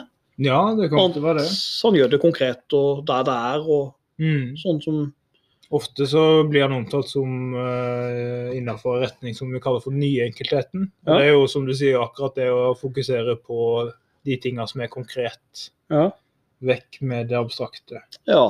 Men uh, det er jo noen andre sjangertrekk som vi kanskje kan finne litt i Jan Eriksvolds diktning, men òg generelt for postmodernismen. Kunne du fortelle litt om det, Magne? Ja, du tenker på at uh, man er kanskje litt sånn Ikke nødvendigvis bundet av veldig faste regler. Nei? Uh, og så er det jo kanskje at diktningen kommenterer seg sjøl. Ja, det ser vi jo i det du akkurat leste opp òg. At han sier at han skulle til å skrive, eller prøvd tidligere å skrive et eh, dikt om trikkeskinnet. Så det er jo det vi kaller for metafiksjon. ja. At han kommenterer seg sjøl. Og så er det jo litt sånn eh, det å eksperimentere med språk og ta inn litt dialekt eller sosiolekt, tenker jeg. Mm. Eh, fokus på individet her, og fokus på det helt enkle og konkrete. Mm. Og eh, kan jo da liksom spørre deg litt, Markus, hva tenker du er temaer i, i, i postmodernismen? Sånn tematisk, og det an å snakke om noen temaer her? Ja, det er jo, men det er ikke noe sånn vanntette skott mellom de ulike temaene. At eh, her står en fri til å blande litt. Eh, men det at verden er uforståelig, eh, kan være et tema. Mm. Forfatteren har rett og slett akseptert at verden er helt ubegripelig. Og livet handler, handler ikke sånn som tidligere å finne frem til en dypere sannhet, men de leker litt mer med perspektiv og subjektive sannheter. Blant annet, det ser vi bl.a. i verka til Jan Kjærstad. Ja, da tenker jeg særlig på Jan Kjærstad. Han, han leker litt med sånne ulike identiteter og roller. Mm. Blant annet i denne boka eh, som eh, Hva den heter Homo, eh, Homo falsus. Homos falsus fra 84. Ja. Og Homo falsus er jo en sånn type litt sånn postmodernistisk bok som handler om eh, en ung dame som heter Greta. Som Mm. rett og slett hun, hun har jo suksess på mange områder i livet. Mm. Hun er akademiker, hun er rockemusiker og kvinneaktivist. Mm. Eh, og så irriterer hun seg fordi at hun føler seg ufarliggjort av samfunnet. Eh, og føler seg litt sånn utafor. Og så bestemmer hun seg plutselig for å helt omtrent uten grunn å Mm. begynne å jobbe på nattklubber og snu døgnet. Ja. Og fjerne seg fra venner. Og inni den boka her så blir det litt i tvil på etter hvert hvem er Greta når Greta snakker, Mm. eller er det forfatteren som prater? Ja. Så man blir litt i tvil. Altså, det går i ett. ja, det skiller Viskes på mange måter ut. Og med de forskjellige maskene som blir på en måte tatt på gjennom boka, så Ja. kan det være veldig vanskelig å skille. Og i historiefaget som jeg kjenner godt, så er det jo veldig vanskelig å skille mellom fakta og fiksjon nå Mm. i postmodernisme. Mm. Eh, en forfatter som heter Hayden, uh, er Hayden White, han mener jo det at uh, han er postmodernistisk historiker, kall det det. Mm. Han mener jo det at du, det er ikke noe skille mellom uh, eh, fakta, historie og fiksjon. For eksempel, de fleste historiske fortellinger har enten perspektivet som en komedie eller en tragedie. Mm. Så det, det spørs hvilken sjanger en historiker velger å skrive i. Mm. hele veien. Men jeg tenker en annen trekk, da sa vi jo det at det er subjektivt. eh, eh, Men det å skape ja, å skape mening Ja, i en verden der alt er opplevd og oppdaga, kan jo òg være noe. ja, det kan vi jo se. Vi skal jo komme litt inn på dette på, men i bøkene til NLO. Lo. Ja, det kan vi ta litt etterpå. ja. Mm. Og så er det jo kanskje tenker jeg det at eh, En postmodernist er jo ikke opptatt av de gamle kjønnsrollemønstre eller kjernefamilie eller sosial klasse. Det er de ikke opptatt av. Ting er mer flytende. Mm. Flytende identitet. Alt flyter. Mm. Så det er liksom å finne deg sjøl, eller kanskje ikke finne deg sjøl i det hele tatt. Så sva, altså, svakheten og styrken i mennesker, Mm. det er kanskje tomheten og selvopptattheten. Ja. Så vi lever egentlig vårt daglige liv uten de dype og store følelsene. Mm. Og vi har på en måte mista troen på å finne noe større enn oss sjøl, Ja. tenker jeg. Mm. Det er sånn postmodernistisk Det høres veldig ullent ut, men det er det her som er trekket. ja. Så ja. Skal vi ta noen uh, eksempler på noen postmodernistiske forfattere? Du, vi kan jo ta en favoritt som vi har felles her, tenker Ja. jeg. Uh, han er jo flere Han hadde ikke vært enig i det her sjøl, sikkert, men Dag Solstad har jo mye postmodernistiske trekk. Det har han. Ja. Og et av de mest kjente verka er 'Sjenanse og verdighet', uh, som handler om eh, lek lektor Elias Rukla og hans ferd eh, gjennom livet. Så nå tenkte jeg at jeg skulle lese litt fra eh, hva som skjer når eh, lektor eh, Rukla prøver å få opp paraplyen sin på Fagerborg videregående skole. Ja, og det går ikke bra. Det går ikke bra. Nei. Han sto ute i skolegården på Fagerborg videregående skole i friminuttet og forsøkte å få opp sin paraply, men så fikk han ikke til. Rundt om han sto skolens elever i hundrevis, og no noen av dem måtte ha sett på ham. Nå var det nok. Han gikk raskt bort til vannfontenen, dengte paraplyen mot den i vilt raseri. Han slo og slo paraplyen mot vannfontenen, og han kjente metallet i stanga begynte å bli mørkt, og at spilene knakk. Det gleda ham. Han slo og slo. Gjennom en slags dis så han elevene nærme seg ham.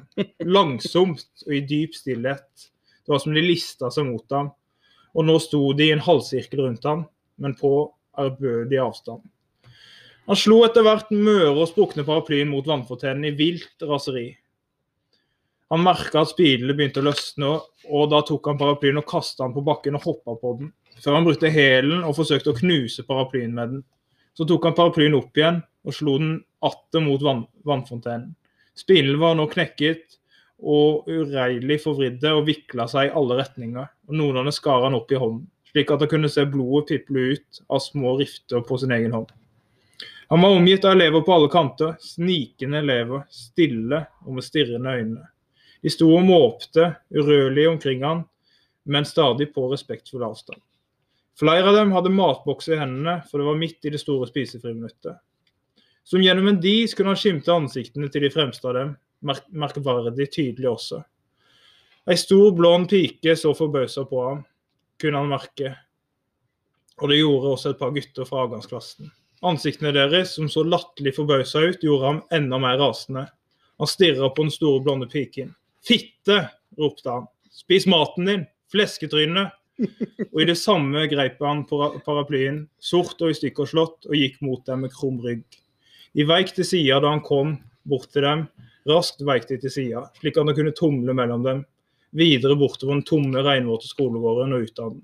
Og nedover Fagerborggata. Fri! Endelig fri! Vekk fra dem!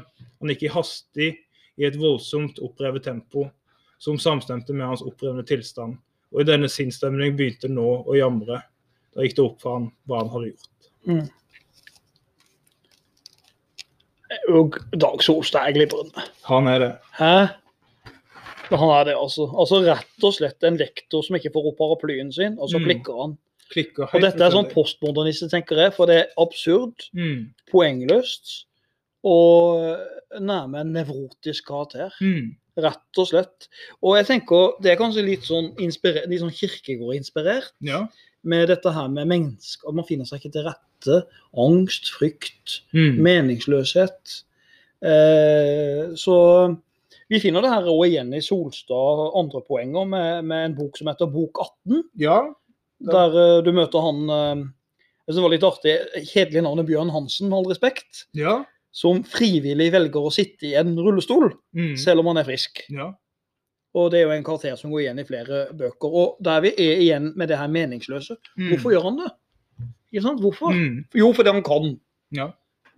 Så- Og så er det I eh, professor Andersen Natthaug så er det en møte med en kar som opplever et mord, men han velger ikke å melde ifra. ja. Og så er jo spørsmålet ikke om mordet, men hvorfor melder han ikke ifra? ja, nesten litt Hitchcock. Ja. Rare Windows, men det er jo det. Mm. Men i bunn og grunn så har vi jo sagt at Solstad nå er en postmodernistisk forfatter. mm. Men på 70-tallet så er han jo en eh, arbeiderdikter. Ja. En sosialrealist, om du vil. Mm. Så eh, sånne bøker som eh, hva det heter, førkrigsår Mm. ja, eh, Og så i eh, boka som handler om Gunnarsen og Pedersen òg, så da er vi mer over på det med, med kommunisme, tar han opp, blant annet. Ja, han gjør det, men det Mm. der jeg tenker gymnaslærer Pedersen, så begynner han å Mm. fjerne seg fra litt den realistiske stilen han Mm. skriver.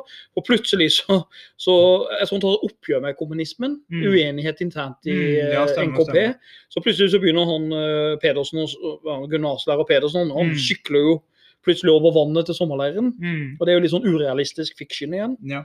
Så eh, Solstad er jo litt eh, kanskje et godt eksempel på postmodernist, men Mm. også en arbeiderdikter på, på 70-tallet. Mm. Det er han jo. Krimforfatter er han jo òg. ja. Eh, kan vi si altså Hvis vi går til en forfatter, Ingvar, han Ambjørnsen Ja. Ingvar Ambjørnsen er kanskje òg litt sånn uh, Litt innenfor den kategorien postmodernist. ja. Det er jo kanskje Pelle og Proffen som er kjent for noen. Ja, Eh, Elling, som er Kjent for flere. kjent for flere. Det er jo både blitt filmatisert. Ja, Outsiderne. Outsiderne, og det kan, kan jo være at folk kjenner seg litt igjen. Det er mye, mye svart humor. Og vi ser det fra individets ståsted. Ja, for du ser jo Elling forteller jo på en måte hele tida om sine tanker Mm. ut, i, ut her i, eh, i poenget. Ganske Mm. artig å lese, da. Men um, ja. Har vi flere eksempler, tenker jeg? Så, Ja, vi bør jo nevne Erlend Lo. ja, ja, ja. Mange mener på at han skriver veldig nytt og underlig. For Ja. i L så er det overdrivelse og humor. Det er poengløse liv. Ja, det er jo det på mange måter. Mm. En gruppe, en, en, sånn er det ikke rett at det er en gruppe personer som reiser til en øy i Polonesia? Mm. Og det de gjør det for, det er for å kopiere en oppdagelsesreise som allerede har skjedd. Det er fullstendig poengløst, og det er jo en del av modernismen. Det er ikke noe mål og mening. Mm. Litt sånn som Naiv Super òg, Mm. som er skrevet i jeg-form. Eh, litt, der er litt sånn Solstad Ja. eh, en fyr som klikker het Han, han, han, er, eh, han, eh, han klikker jo når ikke han får paraplyen Ja, ja. Mm. Men her er det en person som en 25-åring som klikker når han tar på en krokketkapp med familien. og, og da slutter han all utdannelse, slutter all skole, Mm. kutter ut livet omtrent. Og så, kjøper, så kjøper han, så sitter han på sofaen øh, og leker med noe øh, bankebrett eller noe, så og slår i et brett. Han kjøper en leketøysbutikk. Ja. Det er veldig absurd. Mm. Så Tatt av kvinnen er jo en bok eller noe her. ja. Jeg kan jo argumentere for at der blir det vist eh, tafatte og litt sløve menn, kanskje. Ja, ja. Og dyrene i Afrika er en annen bok òg. ja. Det handler om, som nevnt tidligere, da, er poengløse mennesker som reiser for skadedyr. Ikke sant. Uff. Det er jo sånn. Men øh, kanskje sånn i nærmeste nyeste vi har nå, som jeg vet ikke om vi kan kalle han en postmodernist, men jeg kan prøve å dytte Altså Knausgård. Ja. som er veldig på det her opphever oppheve og skille mellom hva det offentlige og private rom er for noe. ja. Eh, og i Min kamp så skriver han jo veldig utleverende. Han skriver jo om alt fra fra, eh, fra oppvask og brødsmuler til eksistensielle spørsmål og sladder om medmennesker. Og det foregår veldig i jeg-form. Mm. Og det har noen argumenterer for at den sannheten som Krøsko skaper i eh, serien Min kamp, eh, ikke nødvendigvis gjelder. At det er den som er den virkelige sannheten. Men det er vi litt over på det som ofte blir kalt for pseudovirksomhet. Mm. Nei, virkelighet. Mhm. Unnskyld. Eh, er at virkeligheten kan skapes av de som er der. Hvis vi tenker f.eks. på Paradise Hotel eller Ex on the Beach, Mm. så for oss som sitter og ser på, så kan det være at det, det virker kanskje ikke så virkelig, men for de som er inne i den bobla, så er det virkelig for de. Ja, og det er jo det vi kan kalle eh, I politikk kaller vi det ekkokammer. Her kan vi Mm. nesten kalle det et litterært ekkokammer. Mm. Altså Du skriker ut, og så får du svar tilbake. Mm. Eh, og Knausgård har jo helt klart en livsverden som er der sannheten eh, Om ikke det er sannheten han er etter, så er han bare etter sitt liv, Mm. virker det som. Ja. Og det er veldig eh, subjektivt. Sin Mm. livsverden. Og eh, sånn sett vil jeg si en veldig postmodernist. Mm. Så jeg syns vi har, eh, har en del en del greie eksempler her også. ja. Jeg tror vi har ikke vi nesten kommet igjennom eh, det meste her nå. Jo, det tror jeg. En del gode eksempler. Kunne sikkert nevnt flere. Tore Renberg og den ene og den Mm. andre. Men et sted må vi jo stoppe òg. Vi kan ikke prate hull i huet på folk. Nei, Så det er sant det, altså. ja. Det skal vi si eh, Skal vi si takk for oss? Og Ja, tusen takk for at jeg fikk komme og preke litt om eh, litteraturhistorie. Jeg syns det er veldig gildt. så håper jeg noen kan dra nytte av det her og få tross alt lært litt av det og sånt. Mm. Så gikk vi jo gjennom hovedtrekka her. Vi har ikke gått i dybda på alt, men Nei, og det er viktig å få frem at her er det mye mer vi kan si. og En kan legge vekt på forskjellige ting, men her har vi prøvd å ta litt fra det vi syns personlig er det viktigste, Ja. og det læreplanmålet i f.eks. norskfaget da ja. legger vekt på. Nå, jeg tror jeg faktisk vi avrunder siden jeg hadde på besøk en siste spørsmål. Ja. Hvis du koser deg og leser en bok du har på nattbordet, Mm. Hvilken er det du da foretrekker? Altså Hvilken forfatter er du foretrekker? Da er det enten Dag Solstad eller Jan Kjærstad. Ja, det er en av de to, så du, Mm. du liker postmodernisten, ja. Ja. Hva med du? Eh, da vil jeg nok si at eh, Norske forfattere så har jeg litt sans for Lars Aabye Christensen. Ja. For Jeg liker litt når han skriver sånn nostalgisk om Selv om vi ikke har noe forhold til Oslo, men det nostalgisk om, Mm. miljøet i Oslo i sånn 50-60-åra. Mm. Sånn eh, tilbake i tid. Ja. Eh, det er noe eh, fint med det. Før Oslo var tagga i stykker Mm. og herja. Så det er sånn romantisk eh, bilde av Oslo eh, man får opp, føler jeg. ja. Jeg synes det er litt vakkert. Og selvfølgelig Stephen King er jo en utenlandsk Mm. favoritt. og Alltid spennende å lese Stephen King. Mm. Nei, men Da sier jeg, skal vi si takk for oss? Ja, takk for oss. Hei og hå.